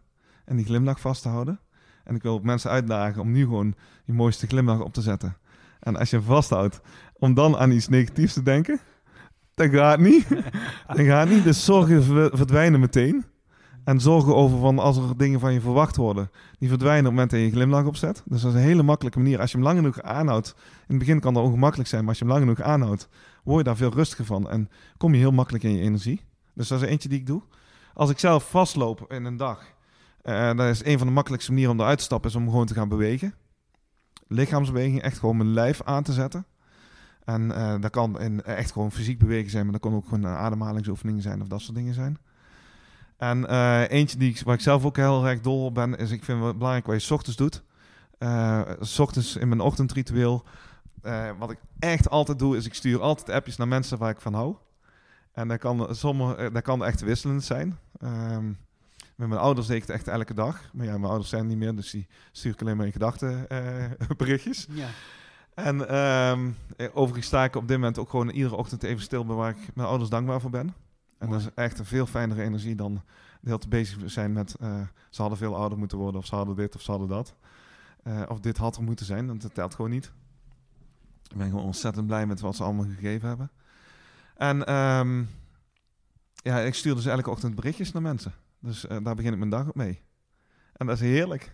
Dat is heerlijk om te doen. Van, hey, ik denk aan je, vind je een fijne vent? Of vind je, hè, ik wens je een fijne dag. Of gewoon iets wat me toevallig op dat moment binnenschiet. Mooi. En ik zet mezelf daarmee aan in, in positieve energie. En eh, ja, voor mij zijn dat gewoontes geworden, dus ik zou ook echt niet anders meer willen. Dus eh, ja, er zijn, en er zijn er zo nog heel veel. Me ik bedoel, als jij graag goede energie wil hebben of als je eh, vastloopt, dan kun je ook gewoon lekkere muziek opzetten waar je energie van krijgt. En voor iedere stemming heb je wel muziek waar je, waar je stemming van verandert. En ja, dus er zijn zo, als je daarover nadenkt, dan kun je voor jezelf een hele gereedschapskist vullen met allemaal instrumenten die je in kunt zetten. Om direct van energie te veranderen. En ja, dat is volgens mij de, de sleutel. Als je daar niet op een dag mee bezig bent, voor hoeveel energie je hebt, ja, dan, dan ga je een dagen verloren. En dat vind ik zonde. Dat vind ik echt zonde. Ja, dat- Dat vind ik echt zonde. Daar ga ik niet mee bezig. eh. Ja. Ik wil alleen maar dingen doen waar ik energie van krijg. Het is net zo'n gesprek, daar, ja, daar krijg ik energie van. ja, ik ook. Vind ik leuk. Mooi. Ja, ja heel vet. Eh, mooie tips. Ik heb daar eigenlijk nog twee vragen ongeveer over. Ja. En eh, dan gaan we langzaam hem afronden, Uh-huh. als je dat goed vindt. Ja, ik vind alles best. Ik laat me leiden. Eén vraag is, je noemt, eh, ik schrijf dankbaarheid op. Ja. Ehm, ben ik ook in je boek tegengekomen. Dat is een Mhm. hele krachtige tool. Maar voor mensen die dat niet weten, wat, waarom schrijf je dankbaarheid op? Ja, het, hele mooie is als je dus elke dag bezig bent met waar je dankbaar voor bent, dan ben je dus aandacht aan het richten op wat er goed is in je dag of in je leven. En gewoon daar, eh, wij mensen zijn gewend om eh, dat het positieve gewoon wordt. En als je daar zorgt van nee, maar het is niet gewoon, het is heel bijzonder. Het is heel bijzonder dat wij hier gewoon tegenover elkaar kunnen zetten en de andere mensen naar kunnen luisteren. Dus ik kan er dankbaar voor zijn dat die methode er is. Ik zit hier met een glas water voor me staan. Eh, we krijgen gewoon echt vers drinkbaar water, wat echt gewoon prima smaakt uit de kraan. Ja. Ja. Wat een geschenk is dat. Ja. Wat een geschenk. Ik kan er echt elke dag bedankbaar voor zijn. Als ik 's ochtends opsta, ben ik dankbaar voor de tandpasta die uit mijn tube komt. Omdat hij mij gewoon een heel fris gevoel in mijn mond geeft. En mijn mond heeft dan meestal op dat moment ook heel veel behoefte aan. dus ja, daar kan Ja. ik op dat moment gewoon heel erg dankbaar voor zijn. Het is niet gewoon dat er is. Voor mij is het bijzonder dat het er is. En als, er als je zo naar de wereld kijkt, dan merk je in één keer van hé, maar er zijn heel veel meer dingen die eigenlijk heel bijzonder zijn. En in het begin was dat voor mij helemaal niet gemakkelijk. Dus de eerste keer, ik las dat in boeken van positieve psychologie, het onderwerp dankbaarheid, kwam overal in terug. En in psychologietermen was eigenlijk één onderwerp wat altijd overtuigende resultaten had, was dankbaarheid. Elke dag bezig zijn waar je dankbaar voor bent, zorgt dat je brein verandert. En dat is gewoon een garantie. Ehm, dat is ook, ook de makkelijkste garantie om gelukkig leven te leiden, is gewoon bezig te zijn waar je dankbaar voor bent. En met mijn vrouw en ik vonden het in eerste instantie moeilijk. We hadden afgesproken, nou, we gaan drie dingen bedoelen waarvoor we dankbaar zijn. Daar hield mijn vrouw mij trouwens weer in. Dus dat is weer een brugje naar, of een, een, een loop naar waar we straks waren. Ehm, de eerste avond zei ik van, nou, ik ben dankbaar gewoon wat ik zag. Dus ik ben dankbaar voor het huis waar we in zitten. Ik ben dankbaar voor jou, zei ik tegen mijn vrouw. En ik ben dankbaar voor het eten wat op mijn bord ligt. Dat was bij het avondeten. Tweede avond zei ik van, ik ben dankbaar voor jou. En mijn vrouw zei, ja, dat zei je gisteravond ook al. Waarom ben je dankbaar voor mij? Oh, mooi. En eh, die waarom-vraag, die zorgde dat ik, ja, maakte het heel specifiek. En dan maakte dat ik over na ging denken. Dat ik dacht van, ja, maar wacht eens even, ik moet het niet oppervlakkig benaderen. Ik moet er wel eventjes iets bij voelen. Dus eventjes gaan denken van, hé, maar hoe bijzonder is het dat ik hier eten op mijn bord heb liggen? En dat er gewoon gezond eten kan zijn waar, ik, waar, ja, waar mijn lichaam nodig heeft. Hoe bijzonder is het dat je een vrouw tegenover je hebt zitten die echt gewoon zielsver van je houdt? Ja, dat is wel echt heel bijzonder. Hey. Ja, en als je dat op een gegeven moment dus vaker doet en vaker ook voelt, dan ga je dus op een gegeven moment... Bij mij was dat na een dag of acht, dat ik op een gegeven moment naar mijn werk reed ochtends. En gewoon op een stukje asfalt op de snelweg reed, van de ene snelweg op de andere snelweg invoegde. En ik een prachtig mooie zonsopgang zag. En ik echt ervan zat te genieten. En het eerste wat ik dacht is van, oeh, dat kan ik vanavond met mijn vrouw bespreken. En het tweede wat ik dacht is van, hé, hey, mijn brein is aan het veranderen. Mooi. Want zou ik anders nooit zo gezien hebben en nooit zo intens ervaren hebben. En ehm, dat gaat niet vanzelf. Dat is gewoon een kwestie van elke dag doen. Dat is, dat is hetzelfde als je naar de sportschool gaat. Iedereen snapt dan van dat je niet met in één keer 200 kilo kunt optillen. Eh, dus verwacht ook niet van jezelf dat je meteen in één keer heel gelukkig bent. Maar als je dat elke dag doet, echt 100% zeker dat je er gelukkiger van wordt. Ja. En dat dat ook gewoon, ja, voor mij is dat ook gewoon een ABC'tje. Dat is echt gewoon no way dat ik dat laat lopen op een, op een avond. No, echt. Maar ook gewoon, gewoon gedurende de dag. En dat is ook misschien ook waarom dat jij eh, die energie tussen mijn vrouw en mij zo voelt. Omdat we daar gewoon ook vaak mee bezig zijn. Wij spreken heel vaak met elkaar uit van, oh, dankjewel dat je dat gedaan hebt. Of dankjewel dat je eh, aandacht voor me had. Of gisteravond, eh, mijn vrouw die zat niet zo lekker in haar vel. En ik had zelfs zoiets van, hé, maar ik wil eigenlijk gewoon nu even echt naar je luisteren. Zonder dat je een tip of een advies geeft. Hmm. En ik had echt geluisterd. En s'avonds zei ze tegen mij van... Oh, dankjewel dat je naar me geluisterd had. Ja, mooi. En dan had ik echt zoiets van... Oh, Ja, wow. goed man. Ja, dat is echt... Ja, dat is- ja.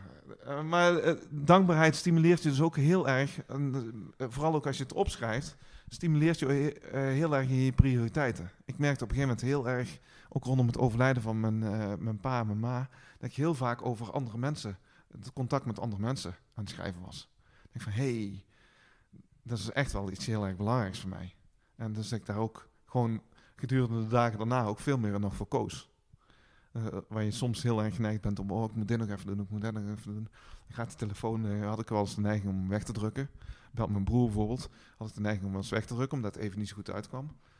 En eh, sinds dat ik er heel eh, vaak in mijn dankbaarheidsdagboekje tegenkom, pak hem op. Ik pak hem, als hij me belt, pak ik op. Ja, mooi. Ja. Dat is gewoon super belangrijk voor mij. En dat weet ik door mijn dankbaarheidsdagboek. En ik, ergens weet ik het ook wel, maar je moet zorgen dat het in je onderbewustzijn zit. En je onderbewustzijn wordt, 95% van je gedachten wordt gevormd door je onderbewustzijn. En die kun je beïnvloeden met 5%. Dus waar richt je je aandacht op?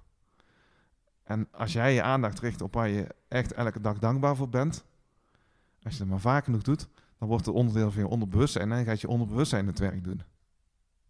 En dan wordt het leven veel mooier. Want dan ga je ook echt in één keer zien van, hé, maar ehm, met het overlijden van mijn pa, in een fase van afscheid nemen, uh, de momenten dat hij echt gewoon intens veel pijn had. En echt tegen me zei van, Mark, ik zie het niet meer zitten, geef me maar een spuitje, ik wil niet meer verder. Dat ik op dat moment zelfs al dankbaar kon zijn voor de intimiteit die we daar voelden. En hoe dicht we bij elkaar stonden. En dat ik op dat moment ook gewoon, ja, ook gewoon zag van, hé, maar ik ben er voor je. En het fijne, fijne ja, dat je dat samen kunt meemaken. En dat ik ook dankbaar was voor mijn moeder, die was er in één keer tussenuit geknepen. Die had corona gekregen en die was heel snel doodgegaan, waar we veel minder afscheid konden nemen. Dat ik ook dankbaar kon zijn voor met hebben een maand de tijd gehad om afscheid te nemen. Ja. Dus dankbaarheid in, in, die speelde een rol in een periode van, van rouw en verdriet. En we hebben ontzettend veel lol gehad en ontzettend veel gelachen. En we hebben naar mijn pa uh, in zijn laatste dagen, op zijn allerlaatste dag, hebben zowel mijn broer als ik nog gewoon een dankbaarheidsbrief voorgelezen naar hem. Ah, krachtig. Wauw. Dus ook toen, zijn uitvaart kwam, we hadden alles al klaar. We hadden het alles, allemaal tegen hem zelf gezegd. Ja. Omdat het ook gewoon onderdeel van het systeem is. Ja. En ja, hoe fijn is dat? Hoe fijn is dat dat je het samen kunt delen?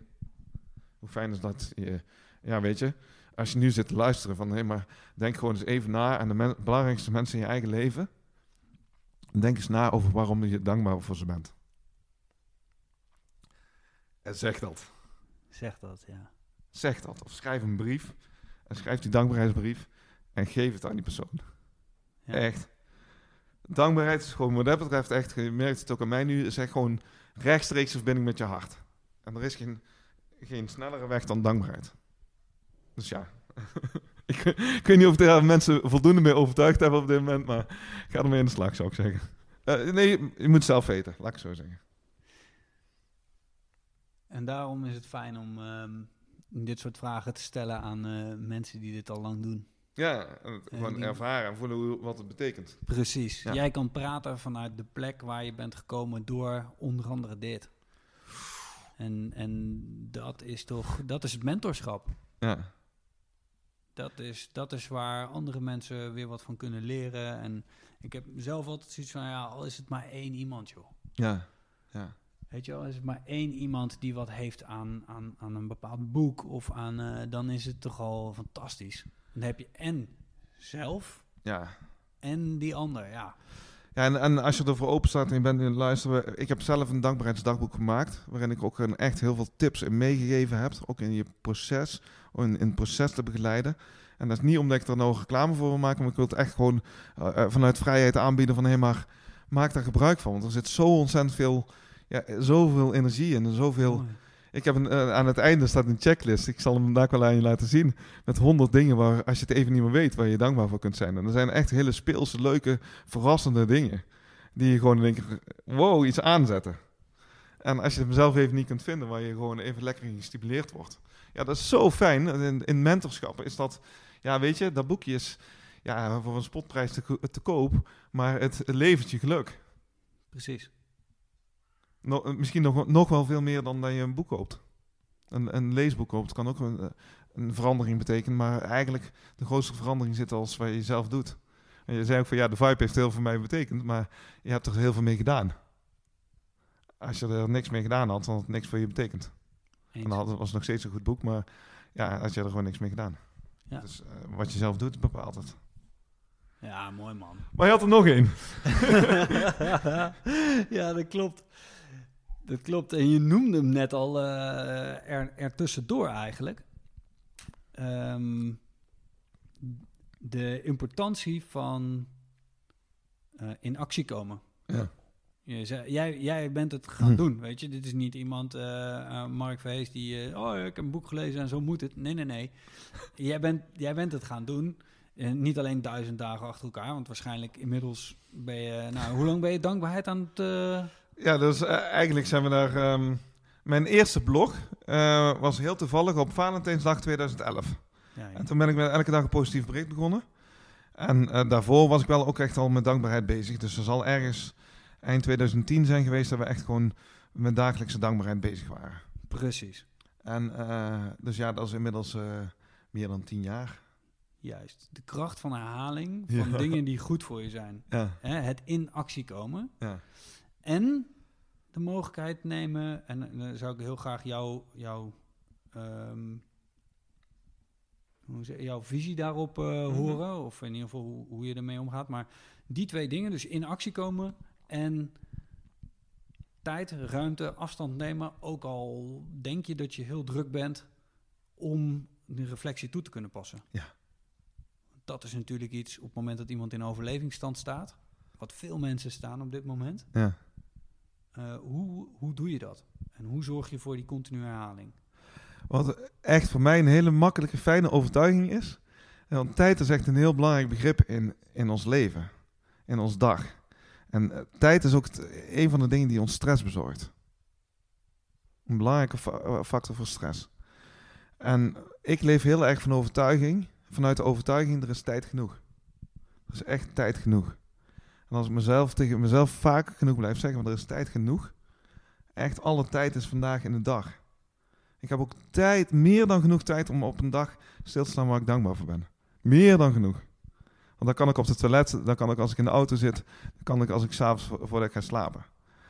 Ehm, de overtuiging dat je genoeg tijd hebt, is gewoon een van de belangrijkste overtuigingen. We zijn heel, heel erg vaak geneigd om te denken dat we te weinig tijd hebben. En dan geven we tijd ergens mee de schuld. Terwijl er iets is buiten onszelf, wat altijd hetzelfde is. We hebben 24 uur in een dag, 7 dagen in de week. Dat is echt 100% hetzelfde. We geven iets de schuld waar niet de schuld mag krijgen. Je moet echt gewoon van de overtuiging, echt gewoon in het overtuiging stappen dat je tijd genoeg hebt.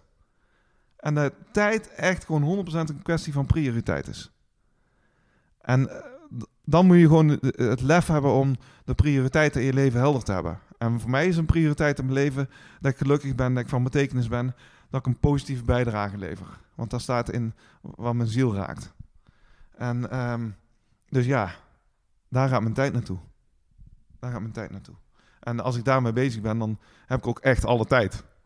Je ervaart het ook van, nee, maar ik heb alle tijd. Ja. Er zit geen beperking in mijn tijd. En dus in die zin, ehm, ja, we moeten ook niet te veel vasthouden aan tijd, denk ik. Want tijd, eh, we moeten oppassen dat, we, dat tijd geen stressfactor wordt. En de tijd, dat je eigenlijk gewoon de dingen die je doet, dat je er prioriteiten in stelt en dat je die prioriteiten ook tijd gunt. Als je die je prioriteiten tijd gunt, dan maak je jezelf zoveel vrijer. Ja, prachtig. Ik weet niet meer of dat je je vraag was. Want eh, ik, ik haak eigenlijk vooral aan het, op het woord tijd, maar... Ja, dat was de ene kant. Dus ehm, Oh, of hoe je ga je ermee om hè? Als, je, Ja. als je zelf aan- ja, ik noem het omdat altijd aan het water trappelen bent. Ja. Ja. precies. Overlevingsstand. Hoe ga je er dan mee om? En het tweede deel was inderdaad, eh, hoe zorg je dat je... Want er is herhaling nodig om de groef te veranderen in je plaat. Ja, en je hebt gewoon, ja, je hebt gewoon tijd voor jezelf nodig. Dus je moet echt gewoon... Dat vind ik ook echt belangrijk om te zeggen, is van de belangrijkste persoon in je leven, dat ben je echt zelf. En niemand anders. En moet echt goed eh, tijd voor jezelf hebben, tijd voor reflectie.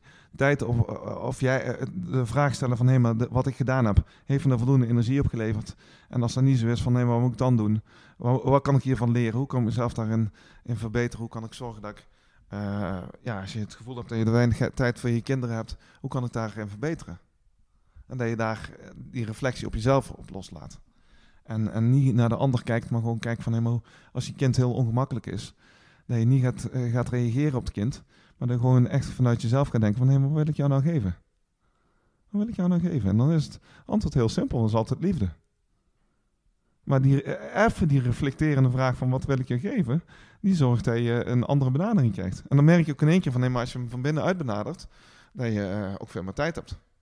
Want dan zijn de antwoorden namelijk heel simpel. En dan zijn de keuzes die je moet maken eh, in, de, in de tijd zijn ook heel simpel. En, en die ruimte moet je jezelf volgens mij gewoon gunnen. En, dan wordt het ook minder wa watertrappelen.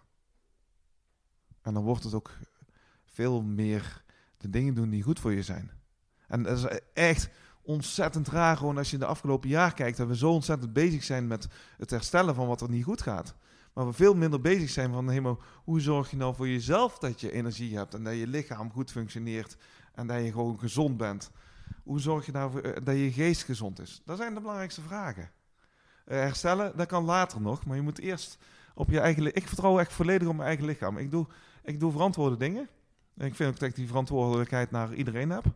Maar ik vertrouw echt 100% op mijn eigen lichaam. Kan ook echt heel veel aan. En eh, ik vertrouw ook heel erg in dat eh, als iets gebeurt, dan gebeurt het ook gewoon. Mijn pa is overleden vorig jaar. En ehm, mijn pa was eigenlijk een kerngezonde man. Maar die heeft alvleesklierkanker gekregen. En die was een maand later was hij dood.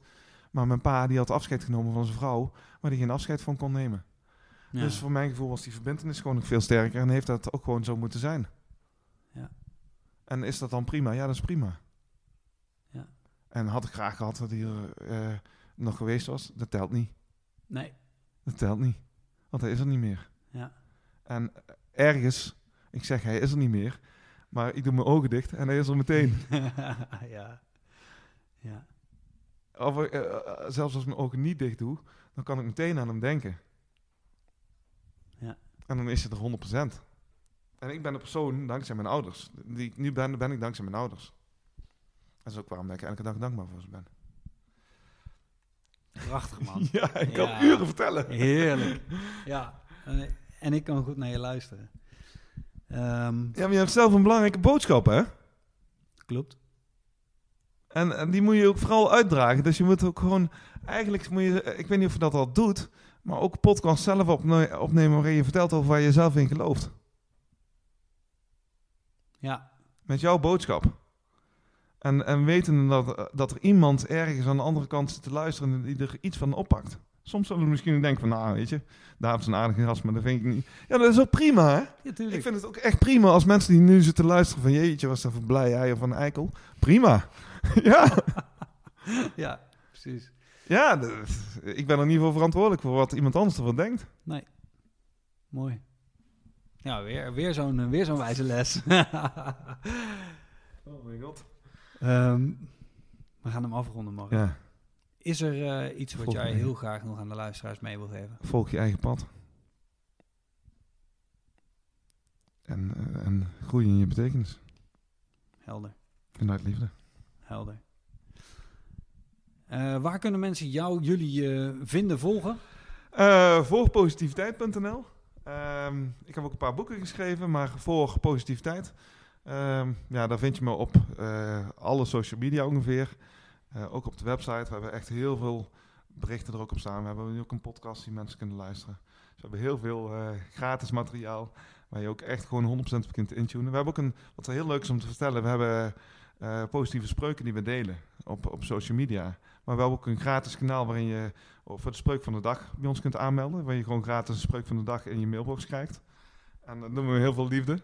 Eh, dus eh, dat is ook gewoon heel fijn om te volgen. Eh, dus daarom kunnen mensen me volgen. Gaaf, man. Ja, Mark, onwijs bedankt voor je Ja. tijd. Ik heb genoten van het gesprek. graag gedaan. Ik zie een grote glimlach op je gezicht. Klopt. En ik heb er volgens mij ook in staan. Ja. Dus eh, dankjewel voor, voor het luisteren. Ook voor de mensen die, die de moeite hebben genomen om naar ons te luisteren. Top. Jo, bedankt hè. Jij bedankt.